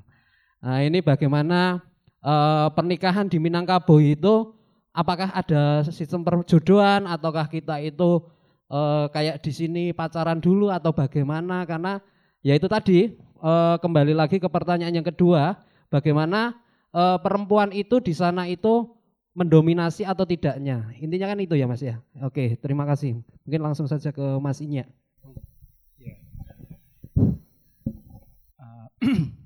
Terima kasih banyak atas komentar dan respon dari teman-teman ya. Saya senang sekali uh, responnya apa ya? Responnya memang membuat saya excited gitu, jadi bersemangat untuk tambah bercerita. Artinya cerita saya nyambung. Jadi tidak bikin uh, teman-teman itu wah oh, iki opo atau terlalu ilmiah atau apa gitu. Alhamdulillah niat saya hadir di sini, saya uh, bilang ke Mas Yai dan teman-teman panitia bahwa saya mau mengisi karena ingin bercerita dan alhamdulillah cerita saya didengar. Udah itu aja tujuannya. Enggak ingin uh, apa uh, tujuan saya pada malam ini adalah memastikan panjenengan semua memiliki kompetensi kompetensi kompetensi yang bisa diujikan nanti enggak. Sekedar udah dengerin cerita saya, lalu cerita itu uh, ya nyangkut lah atau bisa direspon. Baik, ini relasi suami istri ya. Di di rumah itu suami itu di Minangkabau sejauh yang saya tahu suami itu disebut junjungan. Nah, jadi kalau misalnya satu keluarga, satu keluarga misalnya sudah punya eh, memiliki anak gadis, anak perawan yang sudah cukup umur, kalau zaman dulu ya mungkin sekitar 17 sampai 20 lah ya, itu cukup umur pas gitu untuk dinikahkan. Maka mama-mamanya artinya saudara laki-laki ibunya itu akan ngomong di tengah keluarga itu dengan kayaknya si namanya si Siti atau Fitri atau siapalah ya. Kayaknya atau Devi gitu. Udah patut punya junjungan. Nah, junjungan ini adalah istilah yang berasal dari khasanah pertanian. Tahu kacang panjang? Tahu kan? Nah, apa bambu-bambu tempat Ah, itu apa namanya bahasa Jawanya? Aku lupa ya. Pancang, apa bahasa Jawanya? Kalau Jogja apa ya? Mana yang Lanjaran. Nah. Jadi suami itu junjungan istilah Minangnya, kalau maksudnya dalam bahasa Jawa adalah lanjaran itu. Tempat dia bersandar, tempat tumbuh gitu, tempat membangun. Jadi penopang dia. Nah, Secara etika, secara etos juga junjungan itu hal memang lebih tinggi kan posisinya dari dari si kacang panjang yang mau naik ini. Secara logis kan junjungan ini kan harus lebih tinggi. Dan itu konsisten dengan Ari Jawa, Ari Jalu, Kawamang Alanisa atau apa gitu. Kan nggak bertentangan. Nah. Itu yang pertama. Untuk soal KDRT, secara ideal kemungkinan KDRT itu sangat kecil di, di, di secara ideal loh ya. Kalau kasus itu uh, nggak bisa kita ini. Karena kalau terjadi KDRT, saudara laki-laki istri itu akan ngasah golok. Bukan tinggal kolor aja seperti dibilangin Pak Wahyu tadi, nyawa bisa tinggal. Kalau misalnya uh, mohon maaf ya saya berani main tangan sama istri saya, saudara laki-lakinya itu nggak nggak terima. Sembelih, kira-kira gitulah. Jadi harga diri, kehormatan keluarga itu terletak pada istri saya dan yang laki-laki wajib menjaga.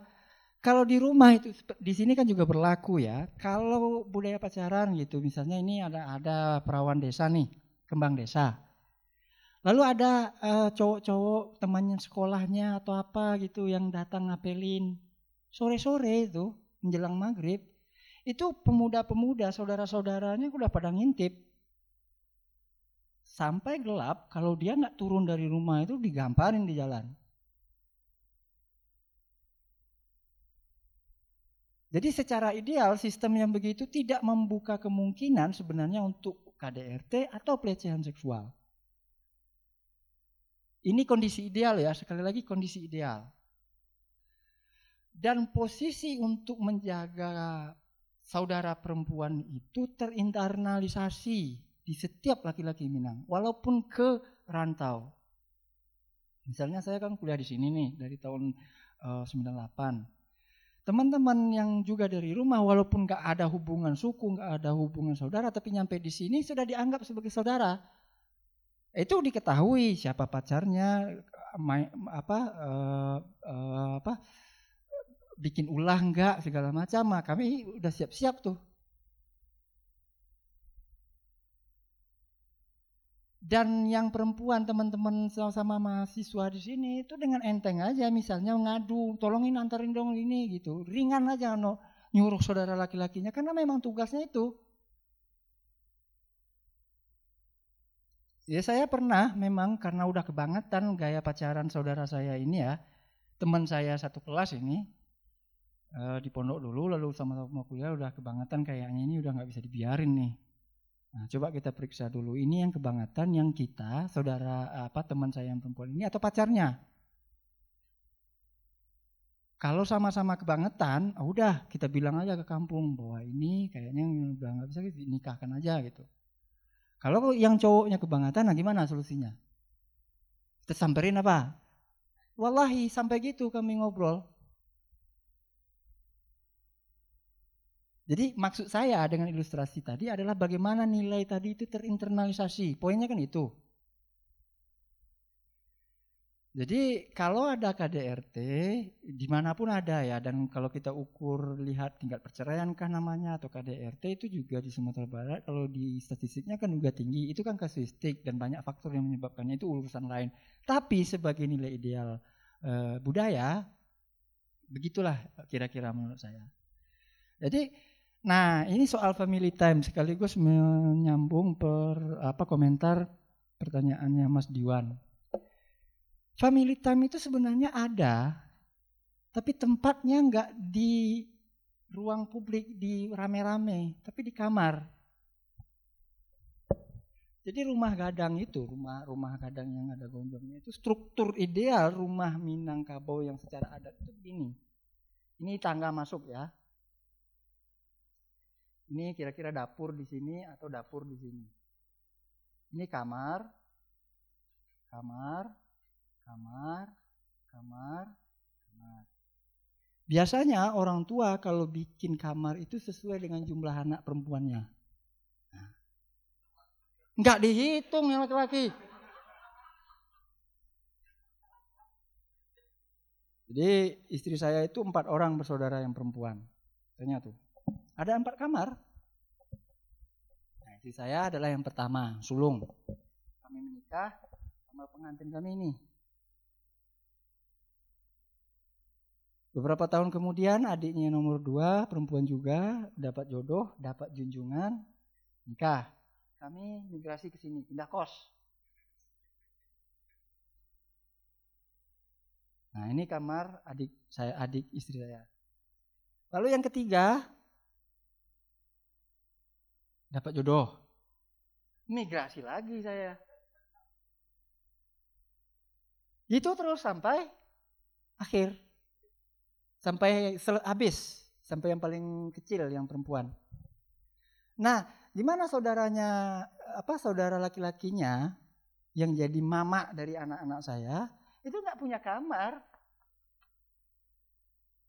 Sejak SD dia udah tidur di surau. Ini gambaran ideal ya. Nah setelah dia nikah ya buat apa dia kamar dong kamarnya di tempat istrinya. Nah terkait dengan family time tadi itu di, di manakah pasangan suami istri bisa bermesraan dengan istrinya maupun bermanja-manja dengan anaknya di sini. Saya di rumah istri saya punya otoritas di sini. Itu memang hak saya. Saya memang uh, arijalu kawamu anak kawamu ala nisa. Tapi di luar sini halaman, dapur segala macam. Misalnya sofa gitu ya. Sofa di sini terus uh, orang di saudara-saudaranya istri saya sama ibu mertua saya itu naruh mejanya di sini. Menurut saya eh, secara estetis nggak pantas mejanya di sini, mestinya mestinya kan di sini. Gitu? Secara adat saya nggak akan nggak patut, nggak ada hak saya untuk menyarankan bu dipindah ke sini, nggak. Siapa lu gitu?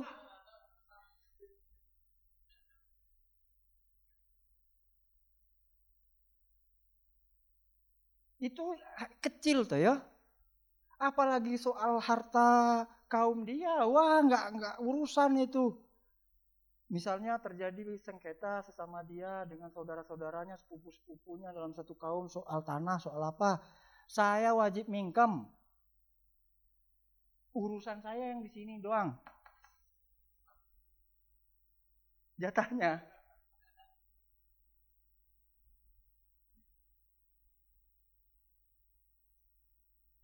Se ekstrim itu loh.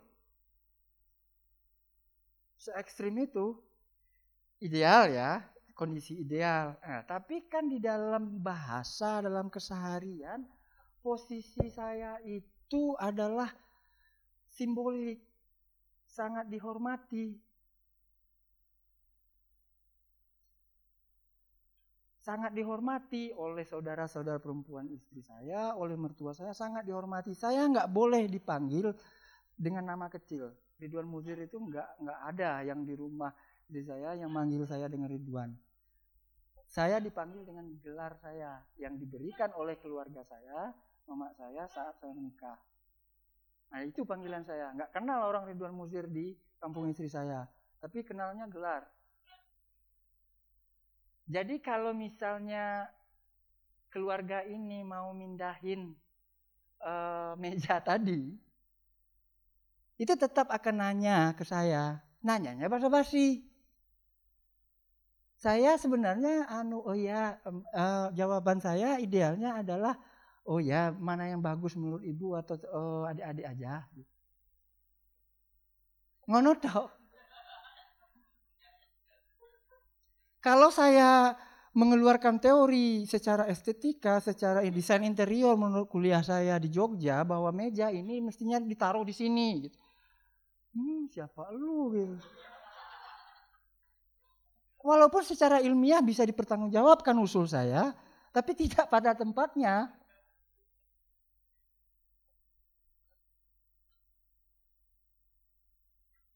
Gitu kira-kira. Jadi kebayangkan jadi family time tadi itu tempatnya adalah di sini. Nah, di situ baru istri saya akan mengadukan perangai-perangai anak saya. Saya akan apa? Itu di dalam kamar. Tapi kalau di luar sini, saya dengan anak saya itu ini. Saya lihat bapak saya dulu ya, uh, uh, Pak Lek saya, itu hubungan dengan anak itu kaku dan garing. Jadi emosi laki-laki di Minangkabau itu nggak nggak dilihatkan. Saya ke Jogja pertama kali 98, itu bapak nggak ngantar sampai ke terminal bis, cuman melepas di anu di nah, halaman rumah. Nggak ada ekspresi nangis, sedih dan segala macam. bilang kangen, kapan kamu pulang itu nggak ada. Ditahan. Nah setelah sakit stroke baru saya tahu mungkin sakit stroke ini karena menahan kangen. Al-Fatihah.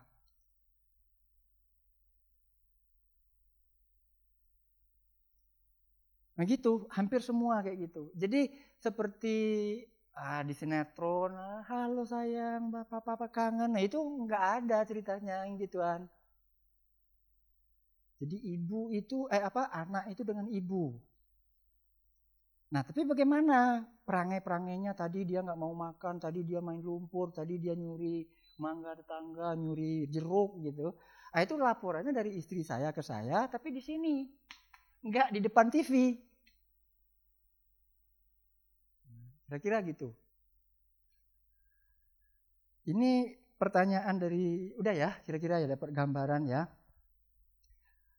Uh, pertanyaan Mas Diwan itu tentang bagaimana perempuan. Ya mohon maaf saya luput menuliskannya di isai yang saya tulis itu uh, uh, apa? Saya terlalu fokus ke dua tadi itu uh, surau dan lapau di mana surau dan lapau itu tadi adalah tempat uh, apa tempat uh, untuk laki-laki. Nah kita balik di antropologi ruang. Jadi kan ini dapur, ya, atau di sini dapur. Nah ini apa variatif lah di setiap uh, rumah di di di Minangkabau itu. Ini gambaran rumah gadang. Rumah gadang itu kan memanjang, toh ada yang dua bentuknya ada yang empat ada yang sembilan biasanya rumah-rumah yang tetap mengikuti pakem adat ini juga gini memanjang begini jadi pintu masuknya di sini atau di sini atau di sini biasanya di sini kalau dapur di sini Nah tadi ceritanya kalau yang perempuan-perempuan yang sudah berkeluarga kan di kamarnya masing-masing tuh. Nah ini kerajaan mereka lah, surga mereka lah gitu ya kalau mau mengikuti pertanyaan tadi yang adakah romansa, ya tetap ada lah. Kalau tidak ada romansa, ngapain mereka punya keturunan kan? Nah, yang gadis-gadis gimana? Yang gadis-gadis gimana? Yang gadis-gadis itu kadang-kadang tiduran di tengah rumah dekat dapur ini. Nah, bersama dengan nenek-nenek yang sudah tidak punya suami, gampangannya yang sepuh ini ukurannya tidak produktif secara seksual. Bisa jadi tidak produktif secara seksual ini suaminya masih ada. Nah suaminya nanti bapak ini ya tidur di dapur atau di surau. Surau lagi. Iya, benar itu kamar di dapur, di dapur. Padahal dia yang anu, ah, jadi kan tidur, menjelang tidur itu kan pasti ada obrolan toh. Nah di situlah pengetahuan dan budaya yang terkait dengan femininitas, dengan kefemininan, dengan keperempuan diajarkan. Kalau udah mulai gadis, disuruh untuk menutup aurat. Untuk tidak melenggang di depan laki-laki. Kalau mama datang artinya saudara perempuan ibu datang itu kalau enggak pakai tutup kepala lari ke dapur. Bahkan konon katanya zaman dulu itu kalau mama datang sementara lagi ini apa namanya numbuk padi itu loh zaman sebelum ada mesin sekarang itu kan nggak pakai tutup kepala. Itu tampah saking malunya karena mama datang nah, lalu diajarkan ketika mama datang itu nah, langsung ke belakang ambilin air kopi atau teh. Nggak perlu ditanya mau minum apa. Ambil aja. Ah, mama mau minum teh apa kopi apa racun? Gitu. Nggak bisa. Bikin aja. Kalau di kota kan gitu mentang-mentang punya kulkas itu macam macam minuman nggak ada ambil gitu. Diminum nggak minum nggak peduli, pokoknya taruh. Dan mama ini datang saudara perempuan ibu datang dari tempat istrinya. Biasanya habis sholat Jumat dia makan di sini, nggak di rumah istrinya. Nah itu momen untuk mama mengkontrol kondisi ini. Jadi dia datang itu nggak assalamualaikum, tok tok tok tok nggak gitu, cuma dengan gitu aja. Nah, itu tanda dia udah mau masuk rumah. Nah, itu udah kelabakan yang perempuan-perempuan ini. Supaya pas menghormati. Nah, dampak kan di mana lokus tempatnya bagaimana pengetahuan budaya, pengetahuan dan budaya untuk perempuan itu bersirkulasi menjelang tidur atau bangun tidur. Yang kedua di dapur. Karena yang gadis-gadis ini ketika sudah gadis sudah balik ya, itu langsung di training, diajak magang di dapur. Jadi trainingnya itu disuruh ngambil air, disuruh ngupas bawang, disuruh ngiling cabe, disuruh apa apa eh, merah santan, buat rendang, gitu. Disuruh ngambil kunyit, disuruh ngambil daun salam dan seterusnya dan seterusnya.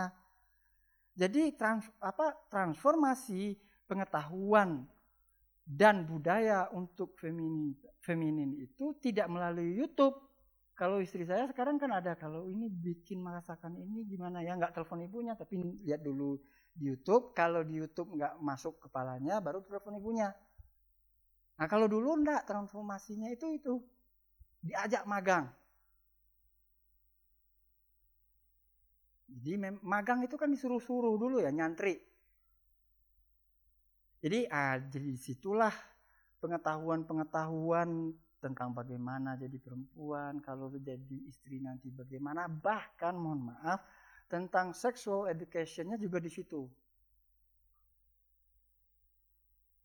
Jadi karena sesama kalau tadi kita di warung, di lapau, di warmindo tadi boleh ngomong apa kalau mereka di dapur cikikan hal-hal yang begitu juga masalah. Jadi dapur itu bukan wilayahnya laki-laki. Kalau terdengar ibu-ibu sama yang garis-garis sikikan, saya akan cepat-cepat menyingkir. Kalau saya dengarin apa sih gosip mereka tentang apa gitu, memalukan gitu. Jadi hal misalnya ilustrasinya kalau misalnya ini ada salah satu ya gadis di sini mau nikah, kan masak besar tuh Nah, yang gadis-gadis satu kaum ini masak di dapur ini. Nah, sambil merah, apa, memerah santan, menggiling cabai dan seterusnya ini barulah keluar pengetahuan kultural itu tentang bagaimana memilih suami yang baik. Kalau suami begini, apa yang harus dilakukan? Agar suami itu betah dengan kita, apa yang harus dilakukan? Nah, saksinya ada di sini istri saya diajari oleh bibi-bibinya, oleh nenek-neneknya itu bahwa laki-laki itu sederhana aja syaratnya. Perutnya kenyang, tempat tidurnya bersih. Kalau nggak percaya coba tanya dia. Itu aja resepnya, nggak bakalan selingkuh. Entah itu metafor atau enggak, tapi kalau bagi kami laki-laki nggak tahu ya bagi teman-teman yang bukan etnis Minang, yang dibutuhkan memang itu kok. Tidur bisa nyenyak, perut bisa kenyang, udah. Minggu depan aku ke Bogor penelitian nyari duit. Pulang dimasakin, udah. Rampung. Sesederhana itu. Nah dari mana dari mana pendidikan itu diwariskan? Dari obrolan-obrolan cekikikan di dapur itu. Sirkulasinya di situ. Ya bagus. Terima kasih ngingatin pertanyaannya. Sirkulasi untuk pengetahuan perempuan itu di dapur. Kalau enggak di tepian mandi. Di tepian mandi. Kalau dulu kan enggak ada nih kamar mandi pribadi di rumah di rumah itu orang nyuci dan segala macam mandi itu di di, di kali atau di tepian mandi. Nah, di situ sirkulasi pengetahuannya. Ini mohon maaf, sirkulasi pengetahuan terkait dengan anatomi tubuh, kesehatan reproduksi, sexual education di, situ sirkulasinya. Kalau misalnya anak ini sudah mau balik berakal, artinya sudah mau menstruasi kan, nah maka perempuan-perempuan yang lebih dewasa akan mendidiknya bagaimana kalau ini datang, apa yang harus dilakukan. Atau ke, ke perempuan yang sudah bersuami, eh, setiap tahun beranak, beranak, beranak itu dan udah keteteran ngurus anak, nah, maka diajarilah tips-tips supaya tidak beranak lagi gitu. Keluarga berencana. Gini loh caranya. Ono tekniknya, kira-kira gitu. Apakah itu tabu? Enggak, lawang itu kan untuk sumber daya, untuk pelestarian sumber daya kan. Nah sekarang aja pendidikan modern yang sibuk dengan sexual education, apalah apalah gitu. Cash pro apalah gitu. Sebenarnya kalau kita telisik dan dan dan nggak diterobos dan nggak disalip oleh sistem yang lain, ini semua sudah berjalan gitu. Udah ya, udah dapat ilustrasinya ya. Nah, gimana? Di surau itu ada. Ngaji di surau itu ada momen-momennya. Bahkan ada di surau itu kalau yang suluk bulan puasa ini juga ada perempuannya biasanya ini surau itu kan membawa uminya, bawa istrinya di surau itu ya. Misalnya saya punya surau nih.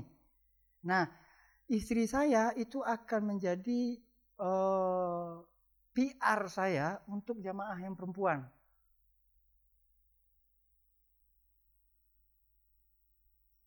Ngaji, ya biasalah kayak di masjid biasa.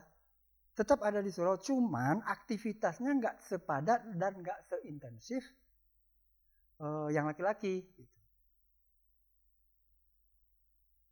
Kebayang?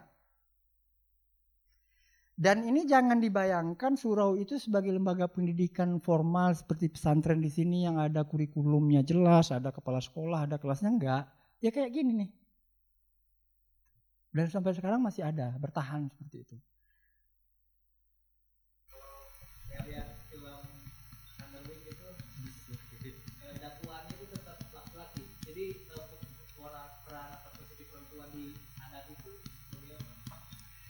perannya itu aktor di balik layar. Kuncinya dari perempuan, tapi dia di balik layar. Nah, ini para datuk-datuk ini kan sepakat bahwa keputusannya begini. Oke? Okay?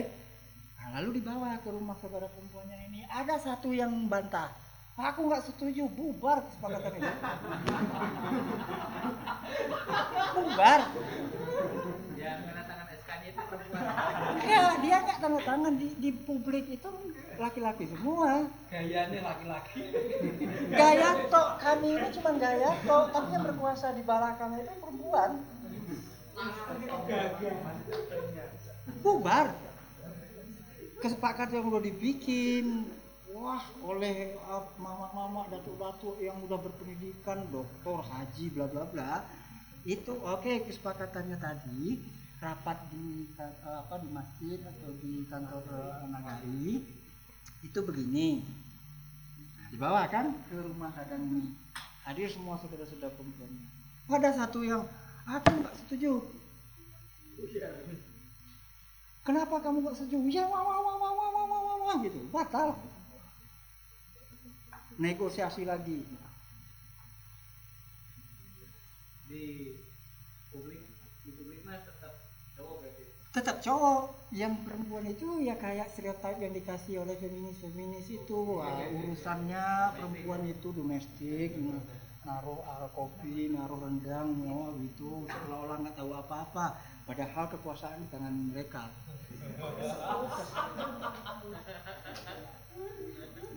Berarti kalau perempuan di sana lebih berani nggak pemalu gitu ya? Enggak om coba lawan istriku ini oh, debat. Wah wah wah wah gitu. Itu benar itu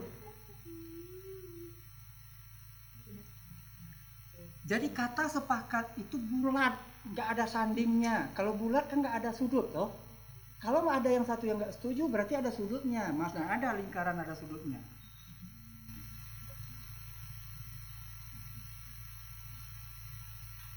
Kata bulat yang kata sepakat itu kata yang bulat. Bulat itu nggak ada sudutnya. Jika ada yang tidak setuju satu berarti itu bukan belum bulat jadi demokrasinya bukan demokrasi apa ini istilahnya voting votingan Nah, lalu ketika alam pikiran modern, demokrasi liberal, apalagi eh, demokrasi elektoral diperkenankan, nah baru ada istilah pengambilan keputusan berdasarkan voting. Kalau dulu secara ideal sistem itu nggak dikenal. Kalau eh, apa elektoral itu kan dua per tiga suara, suara mayoritas, toh. Yang mayor minoritas gimana? Kalah kan? harus mengalah. Nah, kalau di sistem demokrasi di rumah itu dalam contoh ilustrasi kita tadi, itu kalau masih ada satu, itu kan udah sangat eh, minoritas kan. Dari 100 orang yang rapat, satu orang nggak setuju. Kalau di dalam demokrasi sekarang kan dilindas aja kan dianggap nggak ada gitu kan. Oh, nggak bisa, bisa bubar semuanya.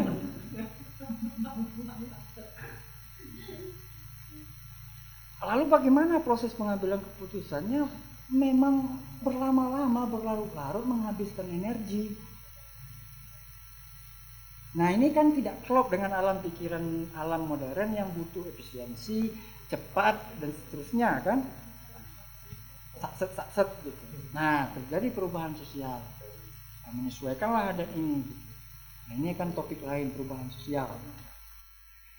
Jadi kalau misalnya ini PR bagi kami ya, bagi saya orang mengapa di zaman dulu 100 tahun yang lalu banyak melahirkan orang-orang yang kendel gitu, ya mulai dari Hatta, Malaka dan seterusnya dan seterusnya, mereka lahir dari kondisi yang begini. Kalau yang cowok-cowok itu bernasib malang. Kalau nggak ini, ya udah nggak ada artinya. Kalau udah nggak produktif, mencangkul nggak kuat lagi, bikin anak juga enggak, udah disuruh ke surau. Disuruh ngobrol sama anak kecil. Iya, ngajar ngaji alif, ba, ta gitu. Jadi nasib laki-laki di Minangkabau itu di- diibaratkan dengan abu di atas tubuh. tubuh. ya. Jadi pernah lihat pokok kayu yang sudah ditebang lalu dibakar. Kebayang nggak? Buat kayu dia gitu, dipotong buat kayu, lalu pokoknya itu kan dibakar. Nah laki-laki di rumah istrinya nasibnya itu abu yang di atas uh, pokok yang kebakar tadi. Ada angin lewat, ada hujan lewat.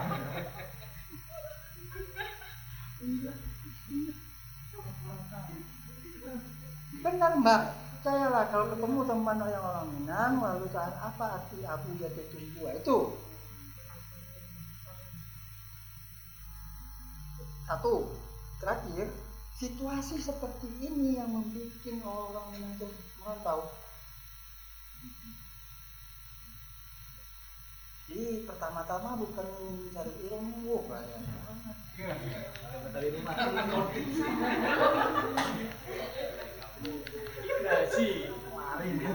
lari. Dari penguasa-penguasa ini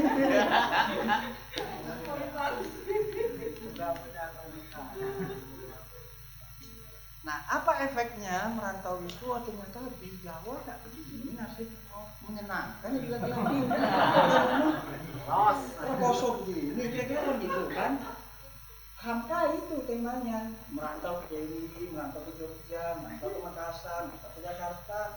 Perasaan nggak kayak ini jauh tidak pulang. Dia masih. Kata Hamka, bulan novel kan? Iya kan? mulai kan tenggelamnya kapal patroli apalagi yang dibilang bintang lalu jadi lain gitu kan akhirnya lalu gagasan yang Hamka dibaca oleh orang rumah hal apa Hamka? Gak begitu. Nah, kata orang rumah benturan lagi kontradiksi lagi. Gitu aja sampai anu sampai siapa jadi apa gitu ya. Itu kan di medsos sampai anu sampai sekarang Sekarang kan lagi yang datang ini kan wahabi. Oh ini nggak sesuai dengan sunnah. Ini nggak syar'i. Ini bid'ah. Apa diterima aja di, di rumah itu ini bid'ah ini bid'ah ini sunnah jenggot terus eh, apa pakaian itu nggak nggak seperti bentuk kandungan yang kamu lihat itu tapi yang sadar apalah apalah terus suami gini gitu. ya boleh lah gitu. Tapi apakah berlaku di tengah masyarakat ini? Jadi ya sebagian tapi resistensi penolakan itu ada. Itu ya terus. Nah kondisi seperti ini menarik perhatian para akademisi. Dan seperti saya bilang di Indonesia itu baik akademisi barat maupun akademisi eh, orang Indonesia sendiri soal pertengkaran perselisihan itu mulai dari yang sederhana sampai yang berat itu dikomunikasikan dengan baik oleh Nancy Tanner. Kayaknya Nancy Tanner itu juga pernah ngisi kan di, di Jawa ya? Nah itu tahun 66 kemudian soal harta pesangka tadi itu tahun 70-an diteliti yang terakhir itu kayaknya Pak Muhammad itu bikin disertasi itu kan konflik hukum hukum adat, hukum Islam dan hukum negara gitu. dan yang menjadi daya tarik para ilmu apa akademisi kolonial saat kolonialisme penjajahan Belanda kan itu benturan sistem-sistem ini lalu diakali bagaimana apa hukum mereka eh, sebagai pemerintah yang berkuasa itu bisa menyiasati kondisi yang seperti itu.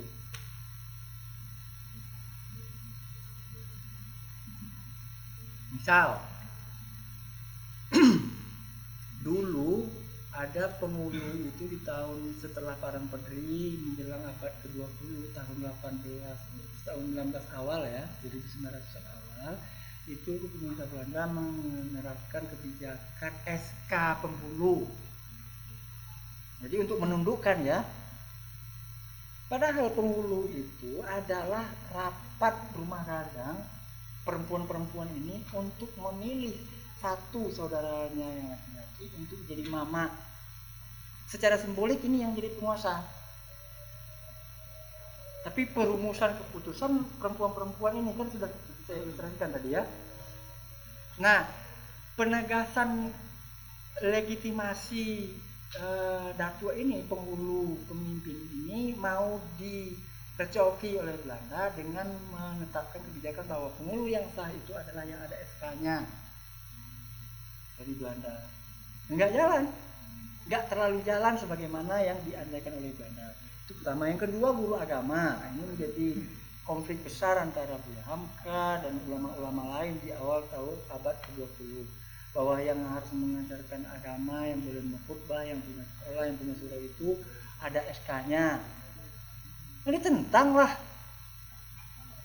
Karena keputusan itu nggak ada yang top down begitu tapi eh, apa eh, bottom up. Istilahnya keputusan itu membasuh dari bumi memancar dari bumi ke atas gitu. bukan turun dari langit dari atas.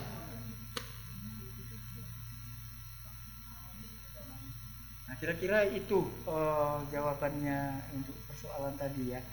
Kalau kalau soal pertanyaan dia tadi eh, gitu. Iya dulu itu perjodohan memang eh, ideal ya. Jadi yang ideal itu ini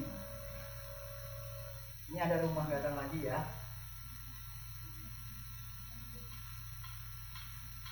Tapi suku lain yang punya.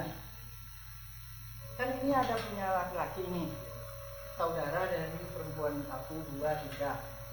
Dia kan nikah ke suku lain tuh ke sini. Di sini kan dia punya anak. Kalau anak laki-lakinya ada anak laki-laki di sini yang dia itu dia menikahi salah satu anak. Itu atau anak laki-laki di sini menikahi anak ini, anak perempuan. Kenapa ini jadi dia? Karena perputaran harta pusaka tadi dimiliki oleh itu itu aja. Jadi nggak lepas muter-muter di situ secara keseluruhan. Nah, salah satu siasat sirkulasi sumber daya ekonomi tadi begitu. Tapi jadi masalah ketika cinta itu kan buta. Iya toh?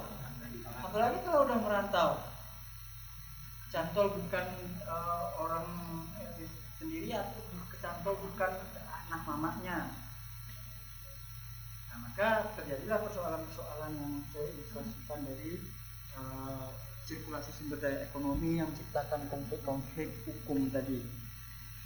Jadi terakhir sebagai ilustrasi bagaimana dahsyatnya konflik yang diakibatkan oleh sirkulasi sumber daya ekonomi ini Syekh Sulaiman Arasuli itu ibaratnya kalau di Sumatera atau di Minangkabau sama statusnya dengan uh, anu. Oke? Ada tuh Syekh. Jadi statusnya ya, kan kebayangkan posisinya. Nah, jadi di Canduang itu, oh ya. Jadi di Canduang itu pernah terjadi konflik harta pusaka ini yang sudah berlangsung hampir 100 tahun dari 1808 sekian sampai tahun 1960-an. Sudah berkali-kali masuk pengadilan baik pengadilan uh, Belanda maupun pengadilan Indonesia setelah Indonesia merdeka. Berlangsung tiga generasi. Di tahun 60-an, Inyak Canduang mencoba menengahi konflik itu, gagal. Enggak, enggak anu. Sebab yang berlaku tadi itu ini, kalau ada satu yang enggak setuju, keputusannya jadi bubar. Karena kan berlarut-larut toh. Jadi catatan di buku yang saya baca itu, yang orangnya orang Jerman, meneliti tahun 70-an, sampai dia meneliti secara antropologis waktu itu, belum selesai kasus itu. Maksud saya dengan ilustrasi ini adalah kalau kita membayangkan otoritas kiai seotoritatif Mbah Hashim di, tem, di kasus sirkulasi sumber daya ekonomi ini berdasarkan sirkulasi pengetahuan itu kadang-kadang nggak bunyi. Kelasnya itu apalagi saya yang cuman bikin artikel lalu dimuat di media online. Lalu bikin channel YouTube, wah nggak bunyi, paling gaya-gaya. Oh sekarang uas yang lagi tren, oke. Okay.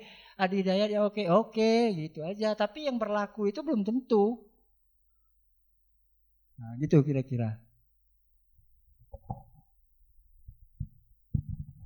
Oke, terima kasih. Sangat menarik sekali terkait dengan uh, pembahasannya tadi. Sudah tahu gambarannya ya. Sirkulasi-sirkulasi di mana uh, kayak seperti pengetahuan dan lain sebagainya itu ternyata ada di kamar-kamar atau bilik-bilik dan juga dapur dan juga di apa itu tadi e, pinggiran sungai buat mandi. Terus kemudian kalau perempuan ada di surau enggak? E, pertanyaannya tadi saya waktu itu di bulan Maulid di rumah gadang Mandi Rubia itu di sana ada uh, ada Toriko Satoriah mas Toriko Satoriah di sana itu itu banyak ibu-ibu itu mungkin yang sudah sepuh-sepuh ya itu bersuluk di surau-surau itu. Jadi di di sana itu perempuan juga mungkin uh, kal kalau perempuan yang masih apa ya punya anak satu terus kemudian yang masih gadis itu mungkin paling dia merayakan maulidnya di rumah. Tapi yang ibu-ibu ini itu ikut bersuluk di di surau. Jadi saya nggak tahu ya ini yang sebenarnya yang benar yang mana tapi uh, ketika itu saya melihatnya situasinya seperti itu Mas. Jadi perempuan itu yang ke surau kebanyakan adalah ibu-ibu yang mungkin sudah sudah anulah uh, sudah tidak produktif lah bahasanya seperti itu. Nah terus kemudian uh, terkait dengan Mas Diwan ini nanti kalau pengen dapat orang Minang itu juga susah juga Mas. Ha-ha, karena apa? Sampean harus punya suku. Nah, harus punya marga. Jadi kalau sampean dari Jawa ke sana sudah mau nikah uh, di sana, mau tidak mau sampean harus punya suku. Makanya caranya itu nanti itu kita bersaudara dulu, dianggap saudara, terus ikut sukunya misalnya Caniago atau Koto dan lain sebagainya. Nah itu seperti itu. Nah, melekat seperti itu sampai seperti itu. Makanya susah lah intinya gitu loh. gitu. Oke, semakin menarik lagi ada pertanyaan. Wah, kah banget malah nih. Wah, selok ini. Heeh, iki satu, dua, tiga, empat, is, lima, is rawopo. Eh, piro? Ah, lima. Enggak apa-apa, yo. Iki sedau ini konferensi Beijing ini aspirasi 30% perempuan awal. Uh, baik, terima kasih. Sebelumnya perkenalkan nama saya Ayu Ramadhani Tambolon yang jelasnya uh, orang Batak. Nah sebelumnya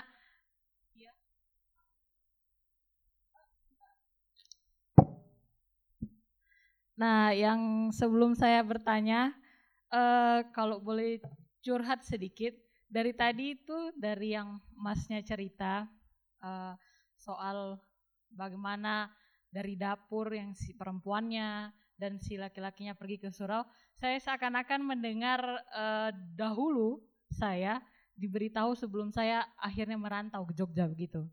Karena memang uh, papa itu dia orang Mandailing, begitu. Kan dekat. Tepatnya di Padang Sidimpuan. Nah, yang saya kan tadi menyinggung soal warung kopi lah lapau. Nah, itu kan kalau kami lapo. Nah, itu itu itu seakan-akan saya uh, berada di dimensi ketika umur yang 5 6 tahun begitu diceritakan dan diberitahu oleh bibi begitu. Dan dan itu benar saya rasakan bagaimana dididik dengan begitu yang orang lihat mungkin kok tidak dibebaskan begitu tapi saya merasa bahwasanya hasil produk mereka itu ya saya sendiri dan saya uh, menikmati didikan mereka yang katanya keras itu uh, nah yang saya tanya itu apakah ada akulturasi budaya begitu. Karena dari Minangkabau kan tadi ceritanya begitu. Tapi saya ketika pulang kampung di Mandailing atau di Sipiro dan itu kok sama begitu? Dari bagaimana mendidik anak perempuannya, bagaimana mendidik um, anak laki-lakinya dan yang paling sedikit menggelitik itu soal lapo. Karena memang ayah saya begitu dan paman semuanya memang beradu argumen politik itu sampai mati-matian. Ya fatal satu dua kursi itu ya biasa saja.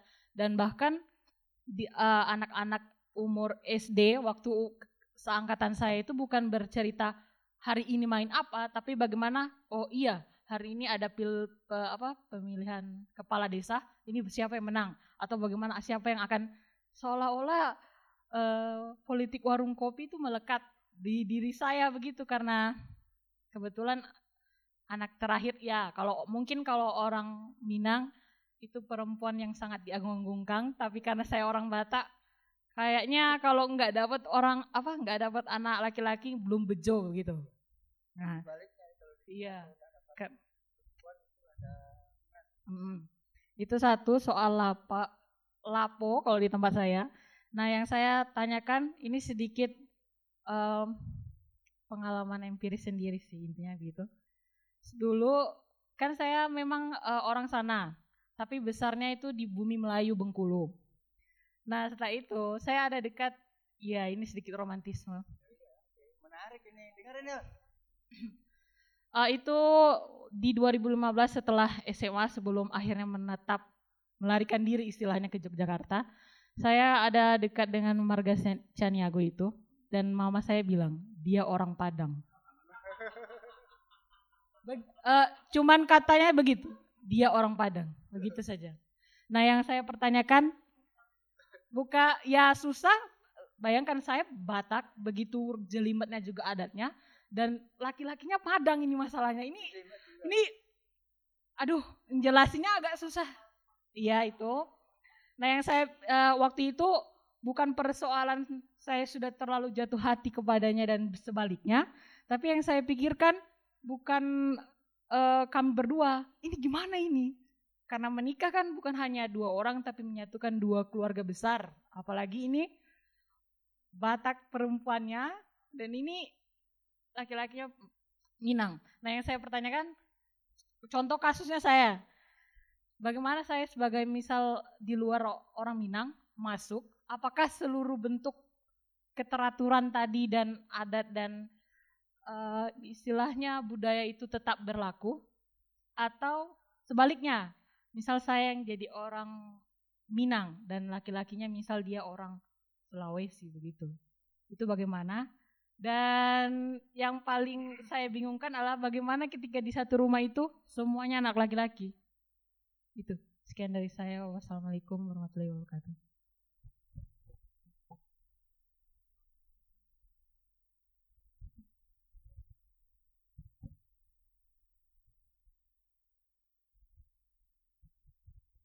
Ya, Assalamualaikum warahmatullahi wabarakatuh. Perkenalkan saya Muhammad Salamun. Eh, ya, sebelumnya saya mungkin eh, ingin berpendapat juga soal yang pertanyaan Mbak siapa tadi soal kok bukan yang pertama tadi soal eh, patriarki yang eh, apa ya sering terjadi KDRT. Saya kira apa ya? Saya juga menjadi bukan apa ya? Bukan tersinggung tapi eh, kira-kira ini perlu kita telisik lebih jauh lagi. Kenapa sih terjadi? Dan pertanyaan ini kalau misalkan kita eh, lirik dalam pengertian politik secara sempit di materi ketatanegaraan kemarin kan muncul pertanyaan kok bisa eh, Sultan eh, Sri Sultan itu eh, punya legitimasi kekuasaannya berasal dari tanah. Ini kan paradigma yang apa ya? Menurutku bertentangan banget. Makanya kemarin ketika kita menggunakan kata patriarki dan sepakat dengan kata patriarki lalu mengambil patriarki eh, dalam pengertian barat kemudian dicamplokkan dalam eh, konteks keindonesiaan ya. Ini saya kira juga apa ya keliru. Karena kayak misalkan tadi kok bisa? Lalu di mana kalau dalam konteks politik secara sempit lalu di manakah kedudukan perempuan dalam konteks ini eh, apa ya kepemimpinan tadi kan ini menjadi soal juga kalau misalkan kita menggunakan paradigma eh, patriarki ala barat. Nah mungkin itu saja sedikit mungkin apa ya tanggapan soal kok cuman di patriarki yang sering terjadi sering terjadi KDRT tapi saya kira ini perlu ditelisik lebih jauh lagi soal itu. Nah eh, kemudian eh, saya eh, ini maksudnya mohon izin mungkin saya orang apa ya belajar hukum jadi di hukum itu pembagian waris itu biasa di di di dibagi juga soal pewarisan itu bisa melalui hukum adat, bisa melalui kompilasi hukum Islam dan hukum negara. Nah, cuman menariknya tadi mungkin menyangkut dengan Mbak Ayu soal uh, pembagian waris apakah kemudian uh, bagaimana sih pewarisan itu bisa uh, apa ya? dianggap adil dalam uh, kawin yang uh, silang atau kawin antara masyarakat patria materialisme dengan masyarakat patrilineal. Nah ini apa ya? Mungkin menjadi bahan diskusi yang menarik juga karena kawin silang tadi antara satu masyarakat dengan sistemik material dengan patriarki. nah, karena kalau misalkan kita mengacu ke negara, saya kira nanti apa ya negara seakan-akan hadir untuk menjadi solusi tapi malah tidak merepresentatif juga karena kalau di dalam hukum waris negara itu kan pembagian secara horizontal vertikal. Nah, kemudian lagi yang punya hak itu laki-laki dan perempuan. Apakah ini me, apa merepresentatif masyarakat Minangkabau? Kan tidak, karena perempuan yang mempunyai waris di sana.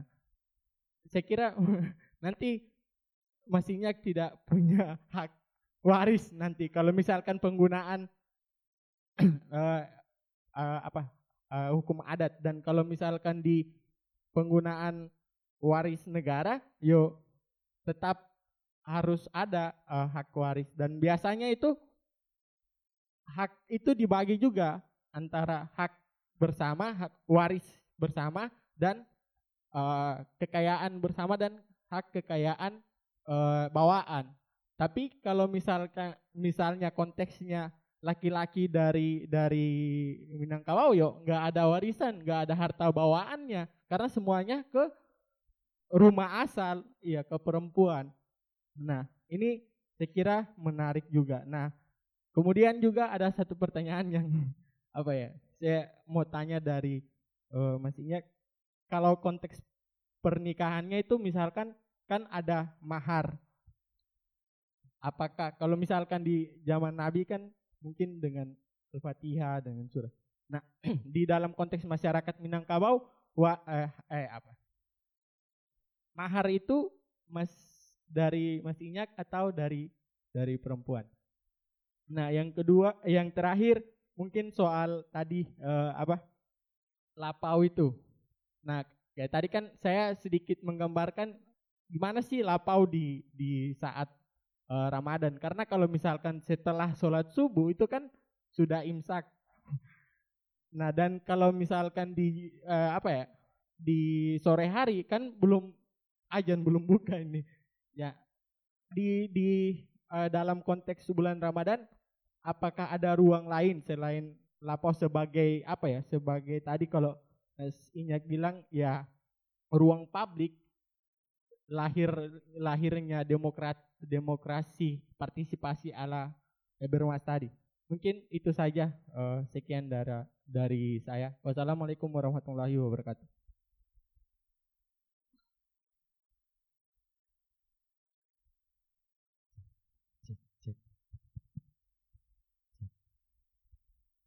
J. G, Dian, Pak.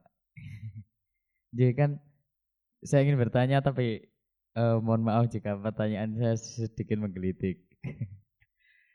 uh, yang pertama gini pak, kan tadi tadi anda sampaikan bahwa kalau anda waktu masih di Minang itu kan untuk uh, semua apa pun keputusan dan juga bisa dibilang uh, kasta tertinggi itu punyanya perempuan, bukan punyanya laki-laki.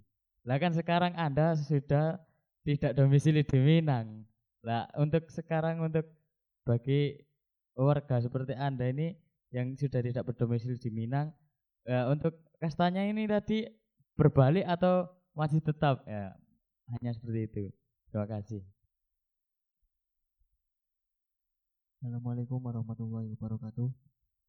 Eh, nama saya Ibram dari Purworejo. Ini Ibram.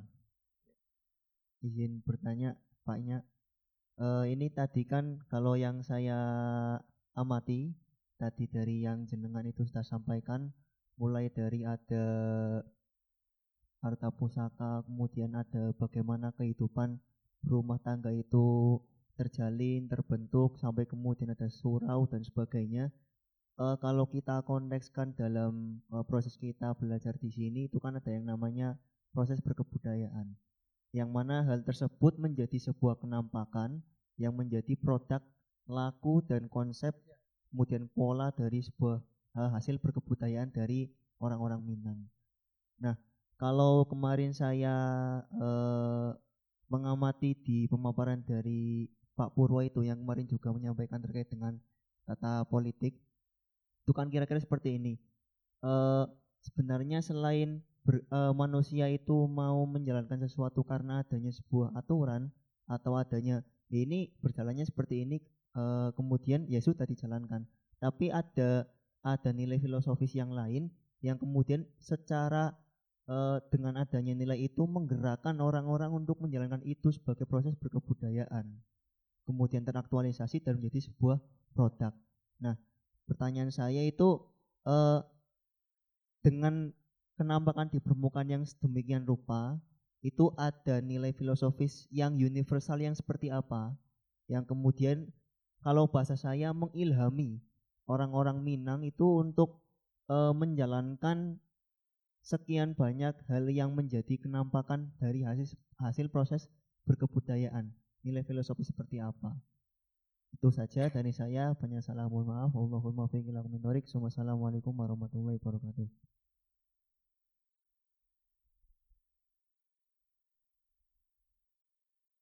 Ya, bismillahirrahmanirrahim. Assalamualaikum warahmatullahi wabarakatuh.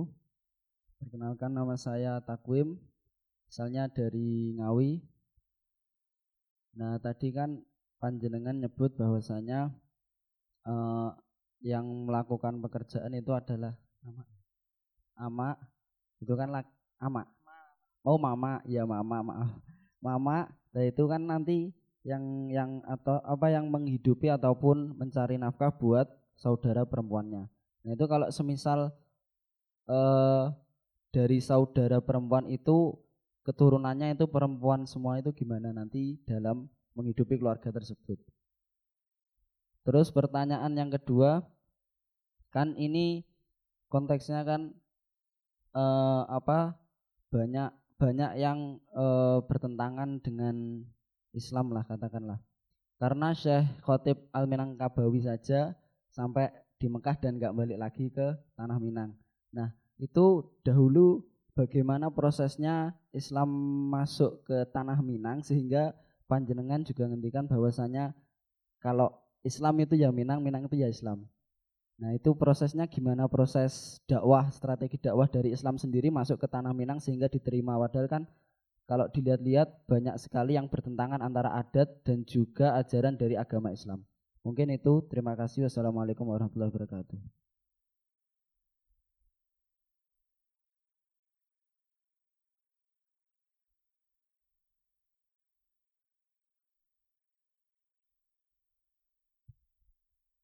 Oke, terima kasih. E, pertanyaannya juga sangat bagus sekali dan mungkin sangat apa e, membantu kita untuk berdiskusi lebih lebih menarik lagi terkait dengan bumi Minang itu seperti apa. Pertama adalah dari Mbak Ayu terkait dengan apakah ada alkulturasi budaya itu terkait dengan budaya di Mandaling terkait apa itu tadi? Lupae? Lupau lupau lapau lapau lapau. Sorry sorry sorry sorry. Aksennya British mungkin ya. Lapau terkait dengan lapau. Terus yang kedua adalah pertanyaannya ketika orang luar masuk apakah semua budaya Minang itu juga masuk? Dan ketika berada di rumah gadang itu laki-laki itu juga bagaimana? Itu apakah dia akan apa itu menjadi di junjungan atau bagaimana? Terus kemudian yang kedua adalah dari masa lamun, ini pertanyaannya juga banyak sekali ini. Pertama adalah kedudukan perempuan dalam kepemimpinan di Minang.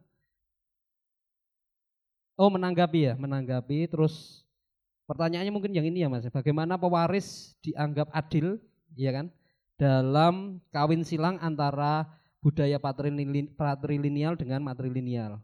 Terus yang kedua adalah pernikahan terkait dengan mahar, apakah mahar itu dari perempuannya ataukah laki-lakinya. Terus yang ketiga adalah bagaimana kondisi lapau di bulan puasa seperti ini, adakah alternatif lain e, ruang publik itu selain di lapau? Mungkin itu. Terus yang ketiga dari Mbak Dian itu, eh Mas Dian, Mas Dian Jombang, sorry, sorry. Uh -uh. Saya teringatnya Mas Rian Jombang ya. ya itu, oh ya jauh ya, ya uh, terkait dengan kasta ketika sudah tidak tinggal di Minang. Intinya itu, kastanya itu masih sama atau tidak.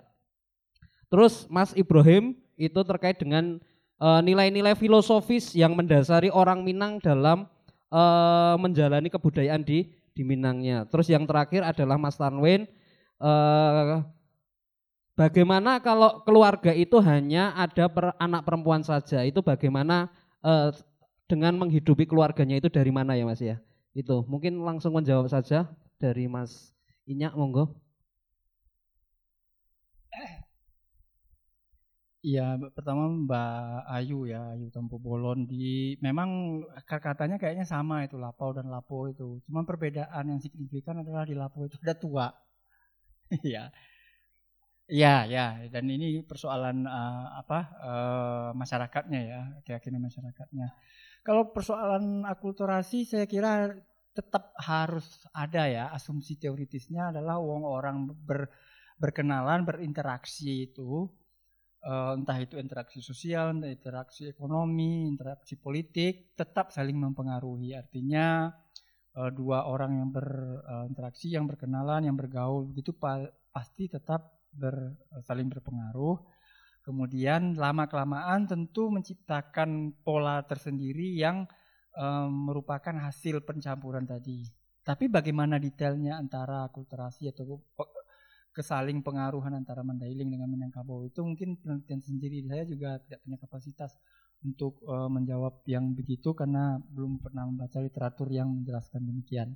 Tapi per teori pasti dan Uh, ini kan konon katanya kan sejak perang Padri itu uh, apa uh, Tuanku Imam Bonjol dengan para pasukan dan anunya melakukan ekspansi dakwah ke sana dengan kalau kata si siapa uh, buku yang mengatakan uh, apa uh, kaum Padri itu adalah Wahabi kan pakai kekerasan dakwahnya yang yang itu.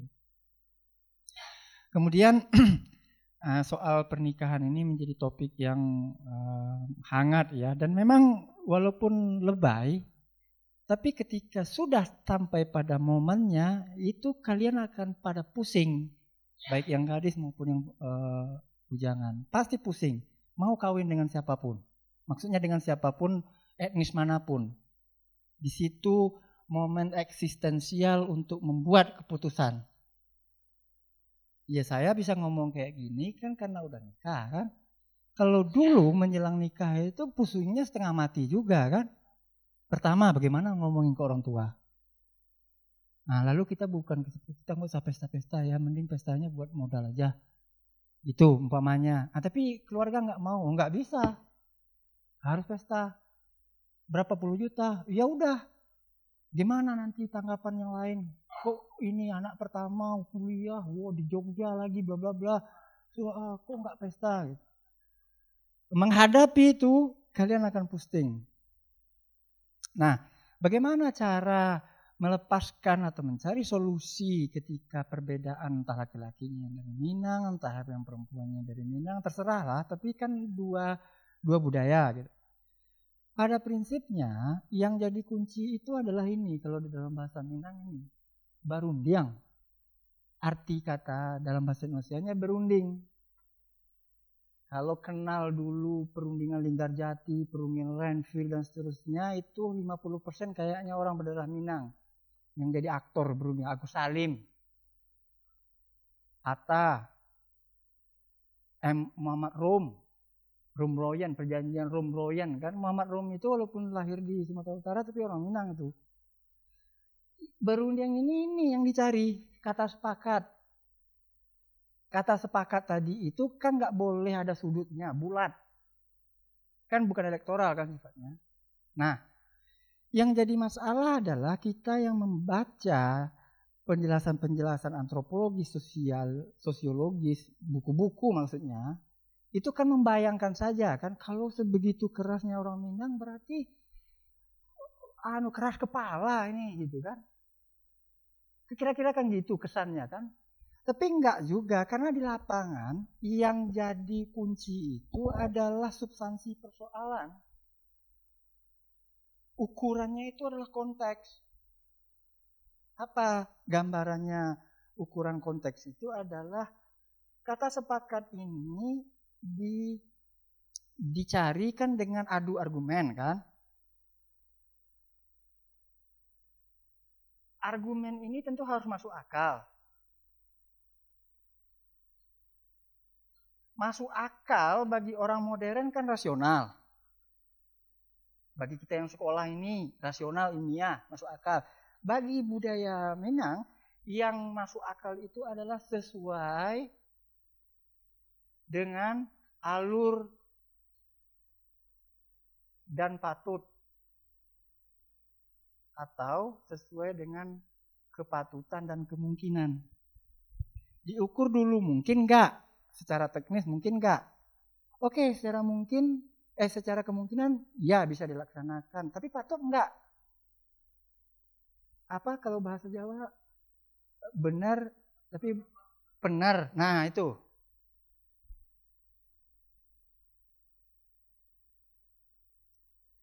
Oke, atas nama uh, belajar perempuan masih gadis itu karena uh, demi pengetahuan keluar malam. semua aman. Nggak ada yang bakalan begal, nggak bakalan ganggu, sweet-sweet, nggak ada, aman. Mungkin kan? Secara teknis mungkin. Tapi apakah patut? Nah itu itu ukurannya masuk akal dalam berargumen untuk mencapai kata mufakat ini.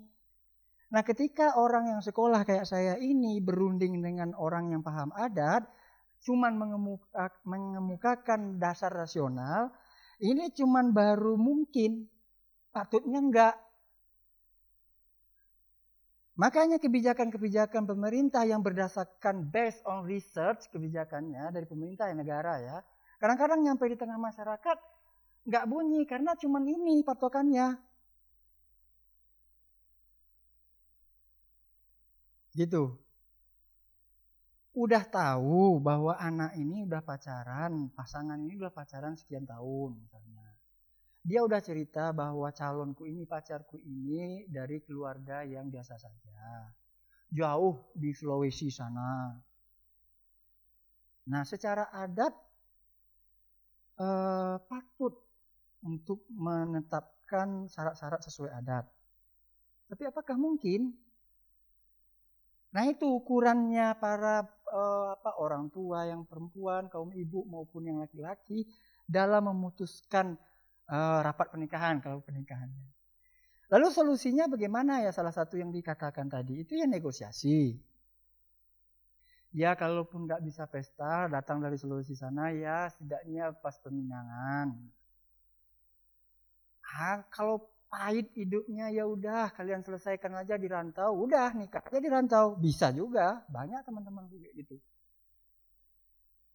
Jadi kesaklekan adat itu bisa dilepaskan jika para yang terlibat dalam argumentasi itu memakai ini sebagai prinsip. Prinsip masuk akal itu yang ini, bukan cuma ini.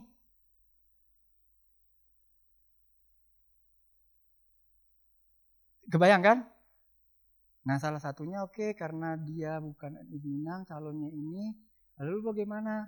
Ya kalau laki-laki dimasukkan ke dalam salah satu suku. Lalu ketika mau nikah dikasih gelar.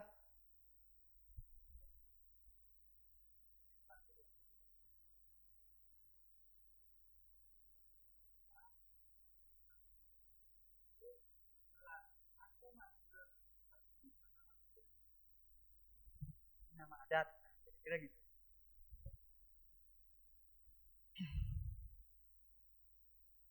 Kemudian apakah dari Muhammad Salamun, apakah negara bisa jadi penengah atas konflik-konflik hukum yang terjadi? Kalau sekarang solusinya memang begitu, dibawa ke pengadilan negara. Tapi di pengadilan negara ini adalah jalan terakhir setelah negosiasi musyawarah mufakat mencari kata sepakat secara adat ini mentok gitu. Dan jarang. Atau dalam kasus lain terjadi ketika mama ini saudara laki-laki ini adalah bejat, error gitu loh. Harta pusaka yang nggak boleh dijual malah dijual untuk beli mobil sama dia. Lalu kemenakannya ngaduin ke pengadilan. Nah pengadilan memang mempertimbangkan masalah ini tidak hanya dengan hukum negara dan KHI, tapi juga dengan hukum adat. Dan ini banyak literatur yang membahas seperti ini. Kemudian mahar pada prinsipnya aturan-aturan mahar ini nggak ada di di di Minangkabau yang saklek seperti di etnis di Indonesia ya kayak di mana Sulawesi Panai ya kemudian di Flores atau di NTT itu Beli Belis apa Beli Belis nah jadi ala kadarnya aja ala kadarnya. Walaupun di salah satu sub etnis di Minangkabau itu di yang pesisir memang yang perempuan yang mengasih yang melamar ke laki-laki dan mengasih duit. Gitu.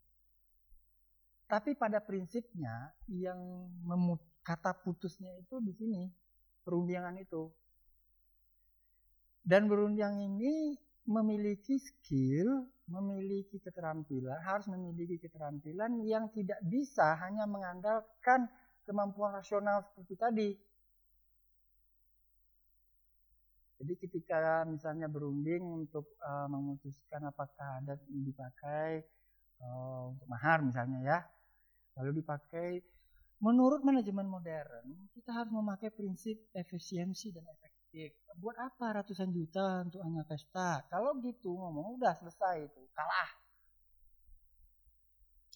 Jadi harus punya trik, memakai istilah bahasa, metafor-metafor yang dipakai dan segala macam. Jadi nyaris setiap akademisi tidak bakalan bisa melakukan ini. Karena keterampilan itu tidak dimiliki oleh kita kita yang ini. Yang memiliki itu adalah orang yang besar, lapau dan surau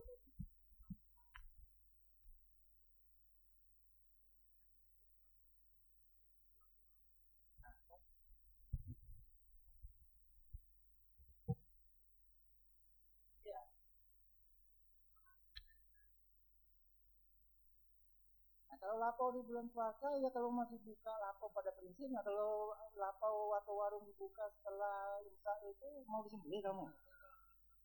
Itu aja ukurannya kan? Nah, lalu di mana ruang publik ketika bulan puasa ini? Ya di masjid atau di surau. Tadi habis tarawih itu kok anu ngobrol dulu sampai agak larut baru bubar kan? Tuh.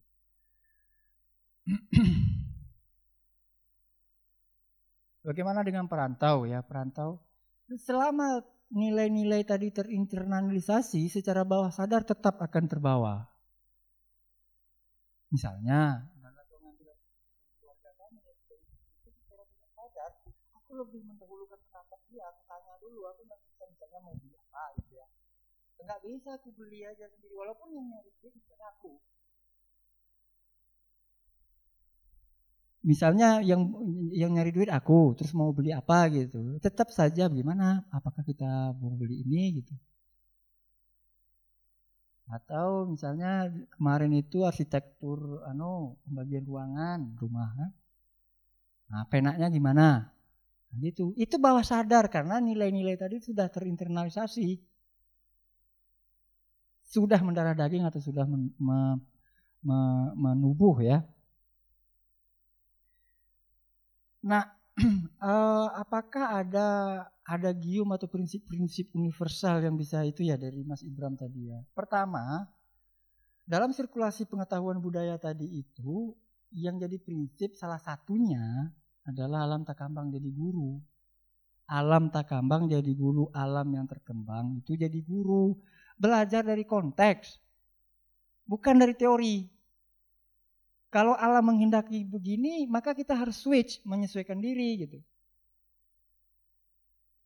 Nah kalau saklek misalnya ke uh, apa syariah, itu uh, belajar dari teori.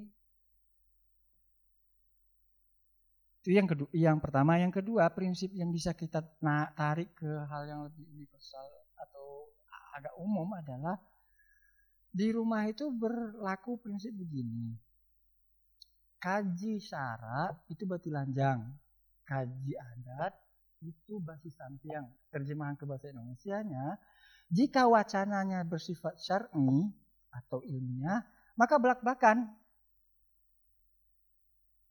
Seperti tadi aku mengilustrasikan contoh-contoh yang seputar sexual education, seksual kesehatan reproduksi, kan aku tanpa tedeng aling-aling kan, walaupun di depan ini ada saudara-saudara perempuanku. Oke? Okay?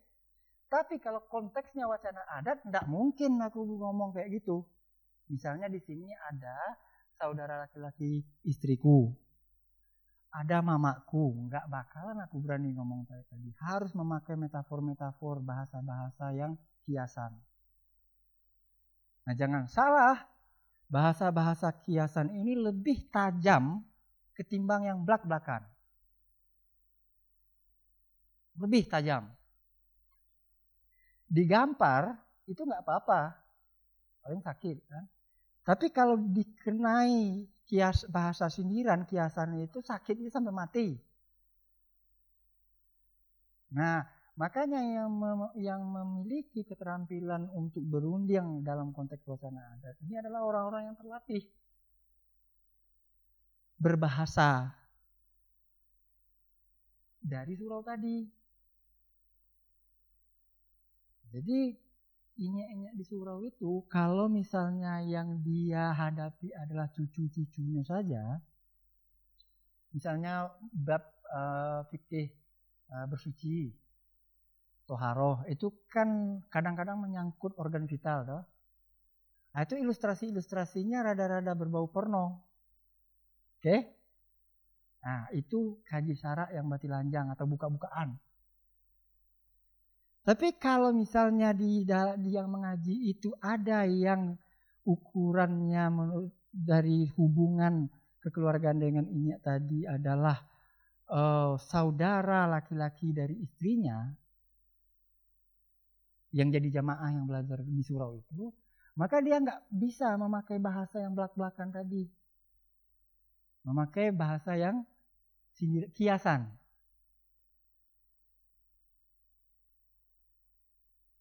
Nah gitu. Jadi untuk membeda-bedakan ini kan dibutuhkan keterampilan kan? Keterampilan, pengetahuan. Dan itu ber, berlaku atau diwariskan pengetahuan itu lokusnya aku sudah saya bilang tadi itu kalau nggak di ya di lapau.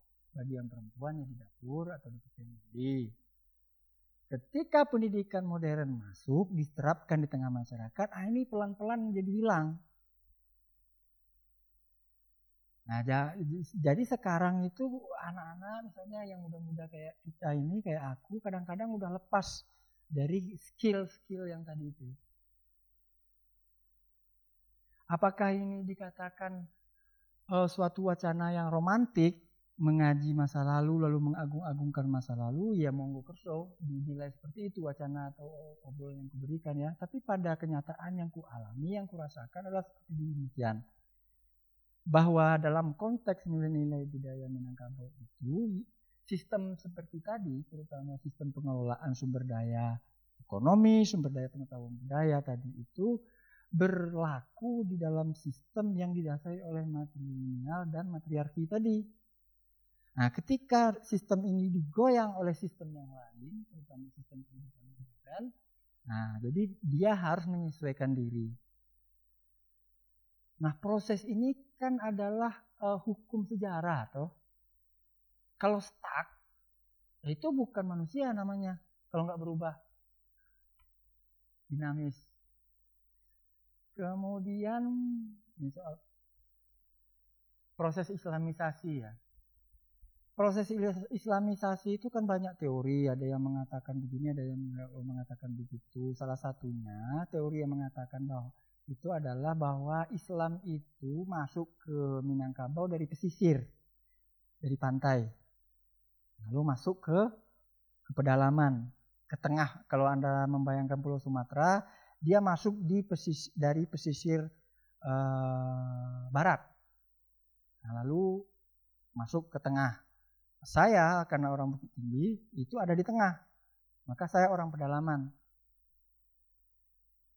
Lalu bagaimana proses dakwahnya segala macam?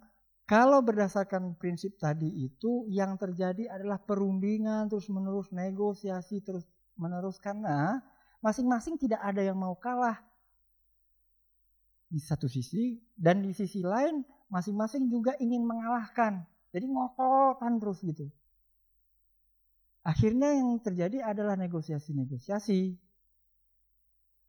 Gitu. Uh, pertanyaan dari Mas Takwim tadi itu itu yang saya sebut di bagian akhir uh, pembukaan saya tadi adalah godaan kita yang akademik ini adalah untuk mencari mana yang asal, mana yang enggak. Kalau proses tentu ada proses awal dan proses akhir kan.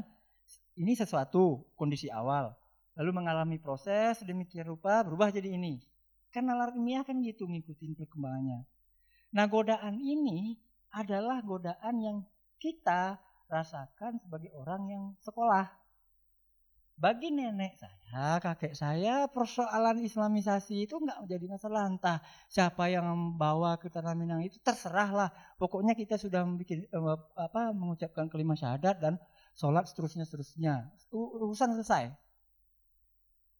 Enggak peduli siapakah, Habibkah yang membawa ke Sumatera ini atau orang Aceh atau orang India atau orang langsung dari Hadramaut seperti teori-teori yang dijelaskan oleh Pak Azra, Hamka dan seterusnya.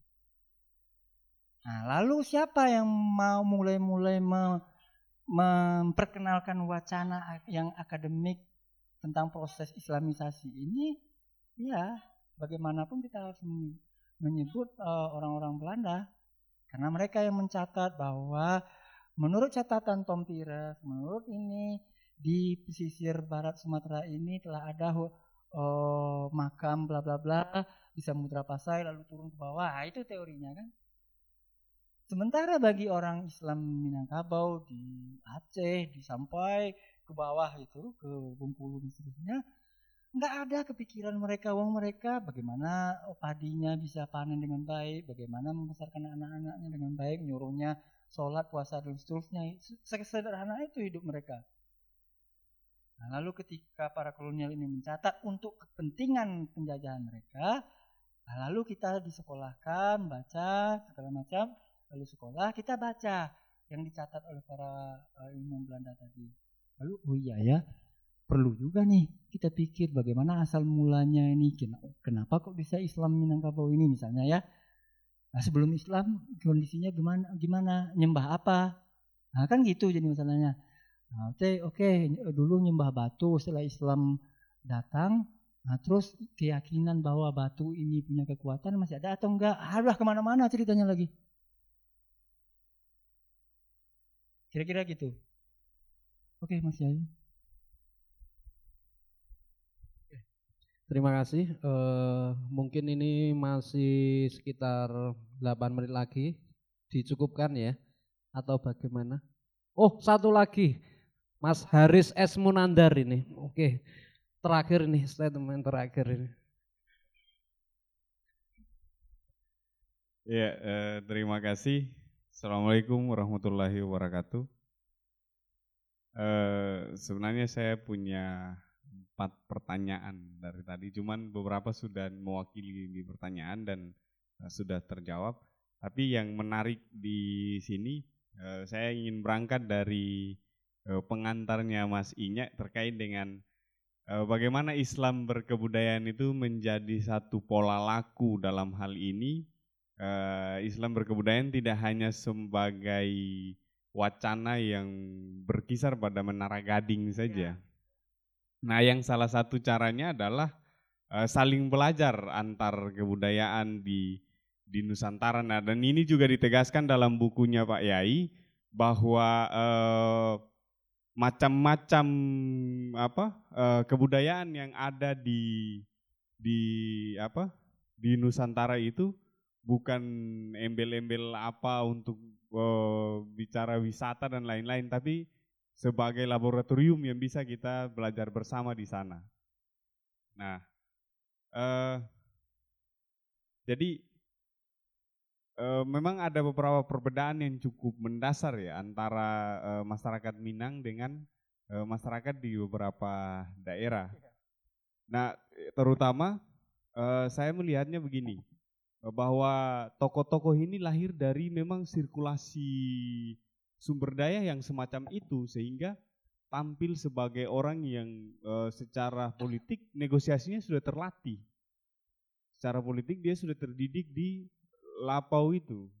Nah, kemudian ini ketika keluar dia memegang prinsip dari dari apa? dari eh, lapau itu kemudian tampil dalam kontestasi politik yang lebih skalanya lebih di atas dan itu eh, tapi yang menarik di sana adalah keputusan-keputusan politik yang itu orang-orang yang dididik atau terdidik dari lapau eh, kemudian melahirkan satu keputusan politik itu bisa di, dibatalkan atau di goyah, digeser dengan satu e, orang yang tidak sepakat dan itu dari kaum perempuan gitu. Nah ini kan cukup menarik. Nah ya saya itu dari tadi itu membayangkan begini. Ini kan memang e, satu fakta yang itu berangkat dari landasan material matrinial ibu perempuan sebagai pusatnya di sana.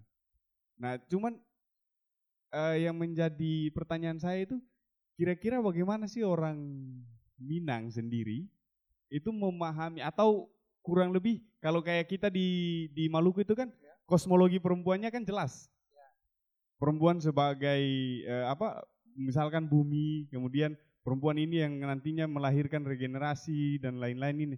Nah itu kosmologinya jelas. Nah, nah ini mungkin pertanyaan saya lebih ke situ, bagaimana kosmologinya begitu. Nah itu dan eh, apa? Bagaimana fakta ini kita cermati untuk tidak mengatakan tidak terjebak pada kalau misalkan patrinial nanti jatuhnya eh, apa eh, klaim-klaim feminis bahwa perempuan dikesampingkan dan kemudian matrinial nanti gimana? Kita memahami itu kayak gitu. Nah, ini saya kira nanti menjadi soal juga ketika problem keperempuanan kita diskusikan dalam konteks teo, dalam teori uh, gender atau feminis Eropa. Nah, ini mungkin bisa dikasih pencerahan sedikit tentang ini. Ya, terima kasih. Assalamualaikum warahmatullahi wabarakatuh.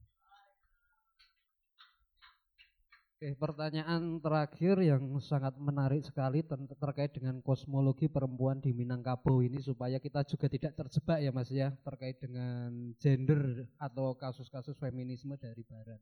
Mungkin monggo Mas.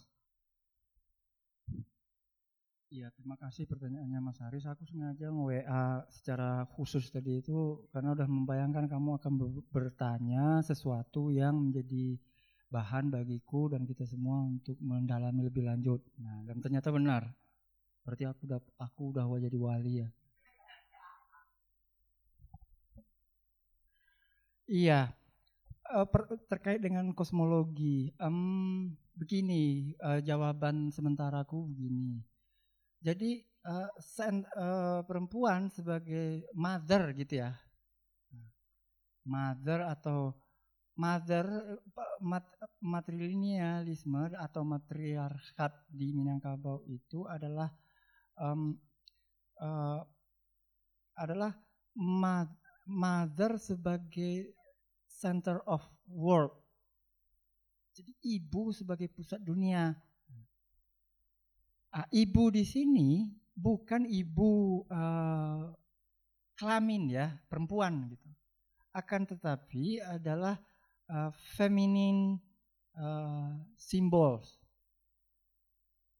Jadi materialisme atau bundo kandung atau ibu di situ adalah gugus makna budaya yang menjadi simbol bagi sesuatu yang menjadi sumber yang melahirkan yang menjadi asal Kira-kira bisa ditangkap ya? Jadi hampir mirip nih dengan yang di Maluku tadi. Jadi dia bukan pusat kekuasaan politik, tapi pusat atau sumber dari makna budaya, makna kultural, makna hidup, makna-makna nilai-nilai, makna yang menjadi sumber turunan nilai-nilai gitu. Mengapa harus aku menghormati perempuan? Bagaimana mengapa aku harus belajar mengaji di surau? Mengapa aku harus merantau? Itu semua bersumber dari uh, gugus makna yang maternal sifatnya. Ibu, keibuan atau gimana? Maternal ini apa ya terjemahan? Ya kira-kira gitulah. Motherness. Gitu. Nah, oke, okay, itu jawaban sederhananya. Nanti kita diskusi, kamu kecandringan lah ya. Nah, terkait dengan bagaimana kita konteksnya atau menghubungkan eh, matrilinealisme dengan gagasan feminin barat satu sisi, kemudian dengan patriarki yang dikritik oleh feminis uh, dan studi gender barat. Nah, uh, sebagian besar dari apa yang ku sampaikan secara akademik itu bersumber dari buku seorang antropolog uh, Amerika yang melakukan penelitian lapangan di tahun 90-an di Sumatera Barat judulnya Woman at the Center. Itu kukutip uh, dan di kepustakaan di tulisan itu. Buku ini antropologis banget, etnografi. Jadi cerita gitu. Jadi di bagian kesimpulan dia menyatakan apa yang kusampaikan tadi. Kita harus mengubah penger ah, ketika berbicara Minangkabau, kita tidak bisa memakai matrilinealisme sebagaimana yang ada di dalam literatur akademik barat yang mengatakan perempuan sebagai center of political power dalam masyarakat, sebagai uh, pusat uh, kekuatan politik. Tapi sebagai center of cultural meanings gitu. Kira-kira gitu. Nah, dalam review-review terhadap buku ini yang kubaca, para antropolog dan para feminin feminis uh, yang mereview buku itu mengkritik bahwa si Pe Peggy ini, Mbak Peggy ini atau Uni Peggy ini terlalu anu, terlalu kesengsem dengan kehidupan di uh, tempat dia meneliti sehingga uh, tidak lupa mengambil jarak objektif, jarak kritis dengan uh, subjek penelitiannya. Itu whatever lah terserahlah mereka berdawul urusan mereka di sana kan. Tapi kesimpulan uh, Peggy Sandai ini begitu. Nah, menariknya penelitian itu dilakukan oleh di lokasi pusat tarikat di Sumatera Barat. Itu etnografinya selama bertahun-tahun. Jadi jangan katakan bahwa Sumatera Barat sebagaimana yang tampil di media sosial hari-hari ini adalah sarang Wahabi, sarang segala macam enggak. Sampai sekarang di pusat tarikat penelitian itu dilakukan. Jadi seluruh sanat tarikat yang ada di Sumatera Barat termasuk sanatku itu berkumpul di e, Nagari Balubuih namanya, tempat buku penelitian ini dilakukan.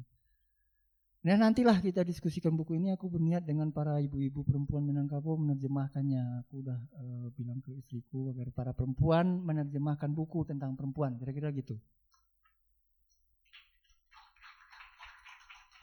Oke, terima kasih. Sudah sangat menarik sekali. Mungkin juga sudah cukup supaya teman-teman juga bisa beristirahat. Besok juga bisa lebih semangat lagi mengikuti uh, rangkaian acara ngaji posoan Oke, uh, mungkin itu ya. Jadi gambaran dari Minangkabau itu bahwasanya ada sistem sosial itu yang berpusat pada perempuan tadi itu. Jadi semua apa uh, tadi sudah digambarkan terkait dengan sirkulasi uh, sumber daya apa ekonomi, pengetahuan dan budaya itu itu adanya di mana saja itu sudah tahu. Ada di Lapau, ada di Surau dan juga tadi itu ada di bilik sampai di da dapur. Mungkin itu uh, mungkin teman-teman juga bisa uh, membuat catatan-catatan kecil lah terkait dengan hal tersebut seperti apa yang uh, ada pada malam hari ini. Oke, gitu dari saya. Terima kasih. Wallahu muwaffiq ila Wassalamualaikum warahmatullahi taala wabarakatuh.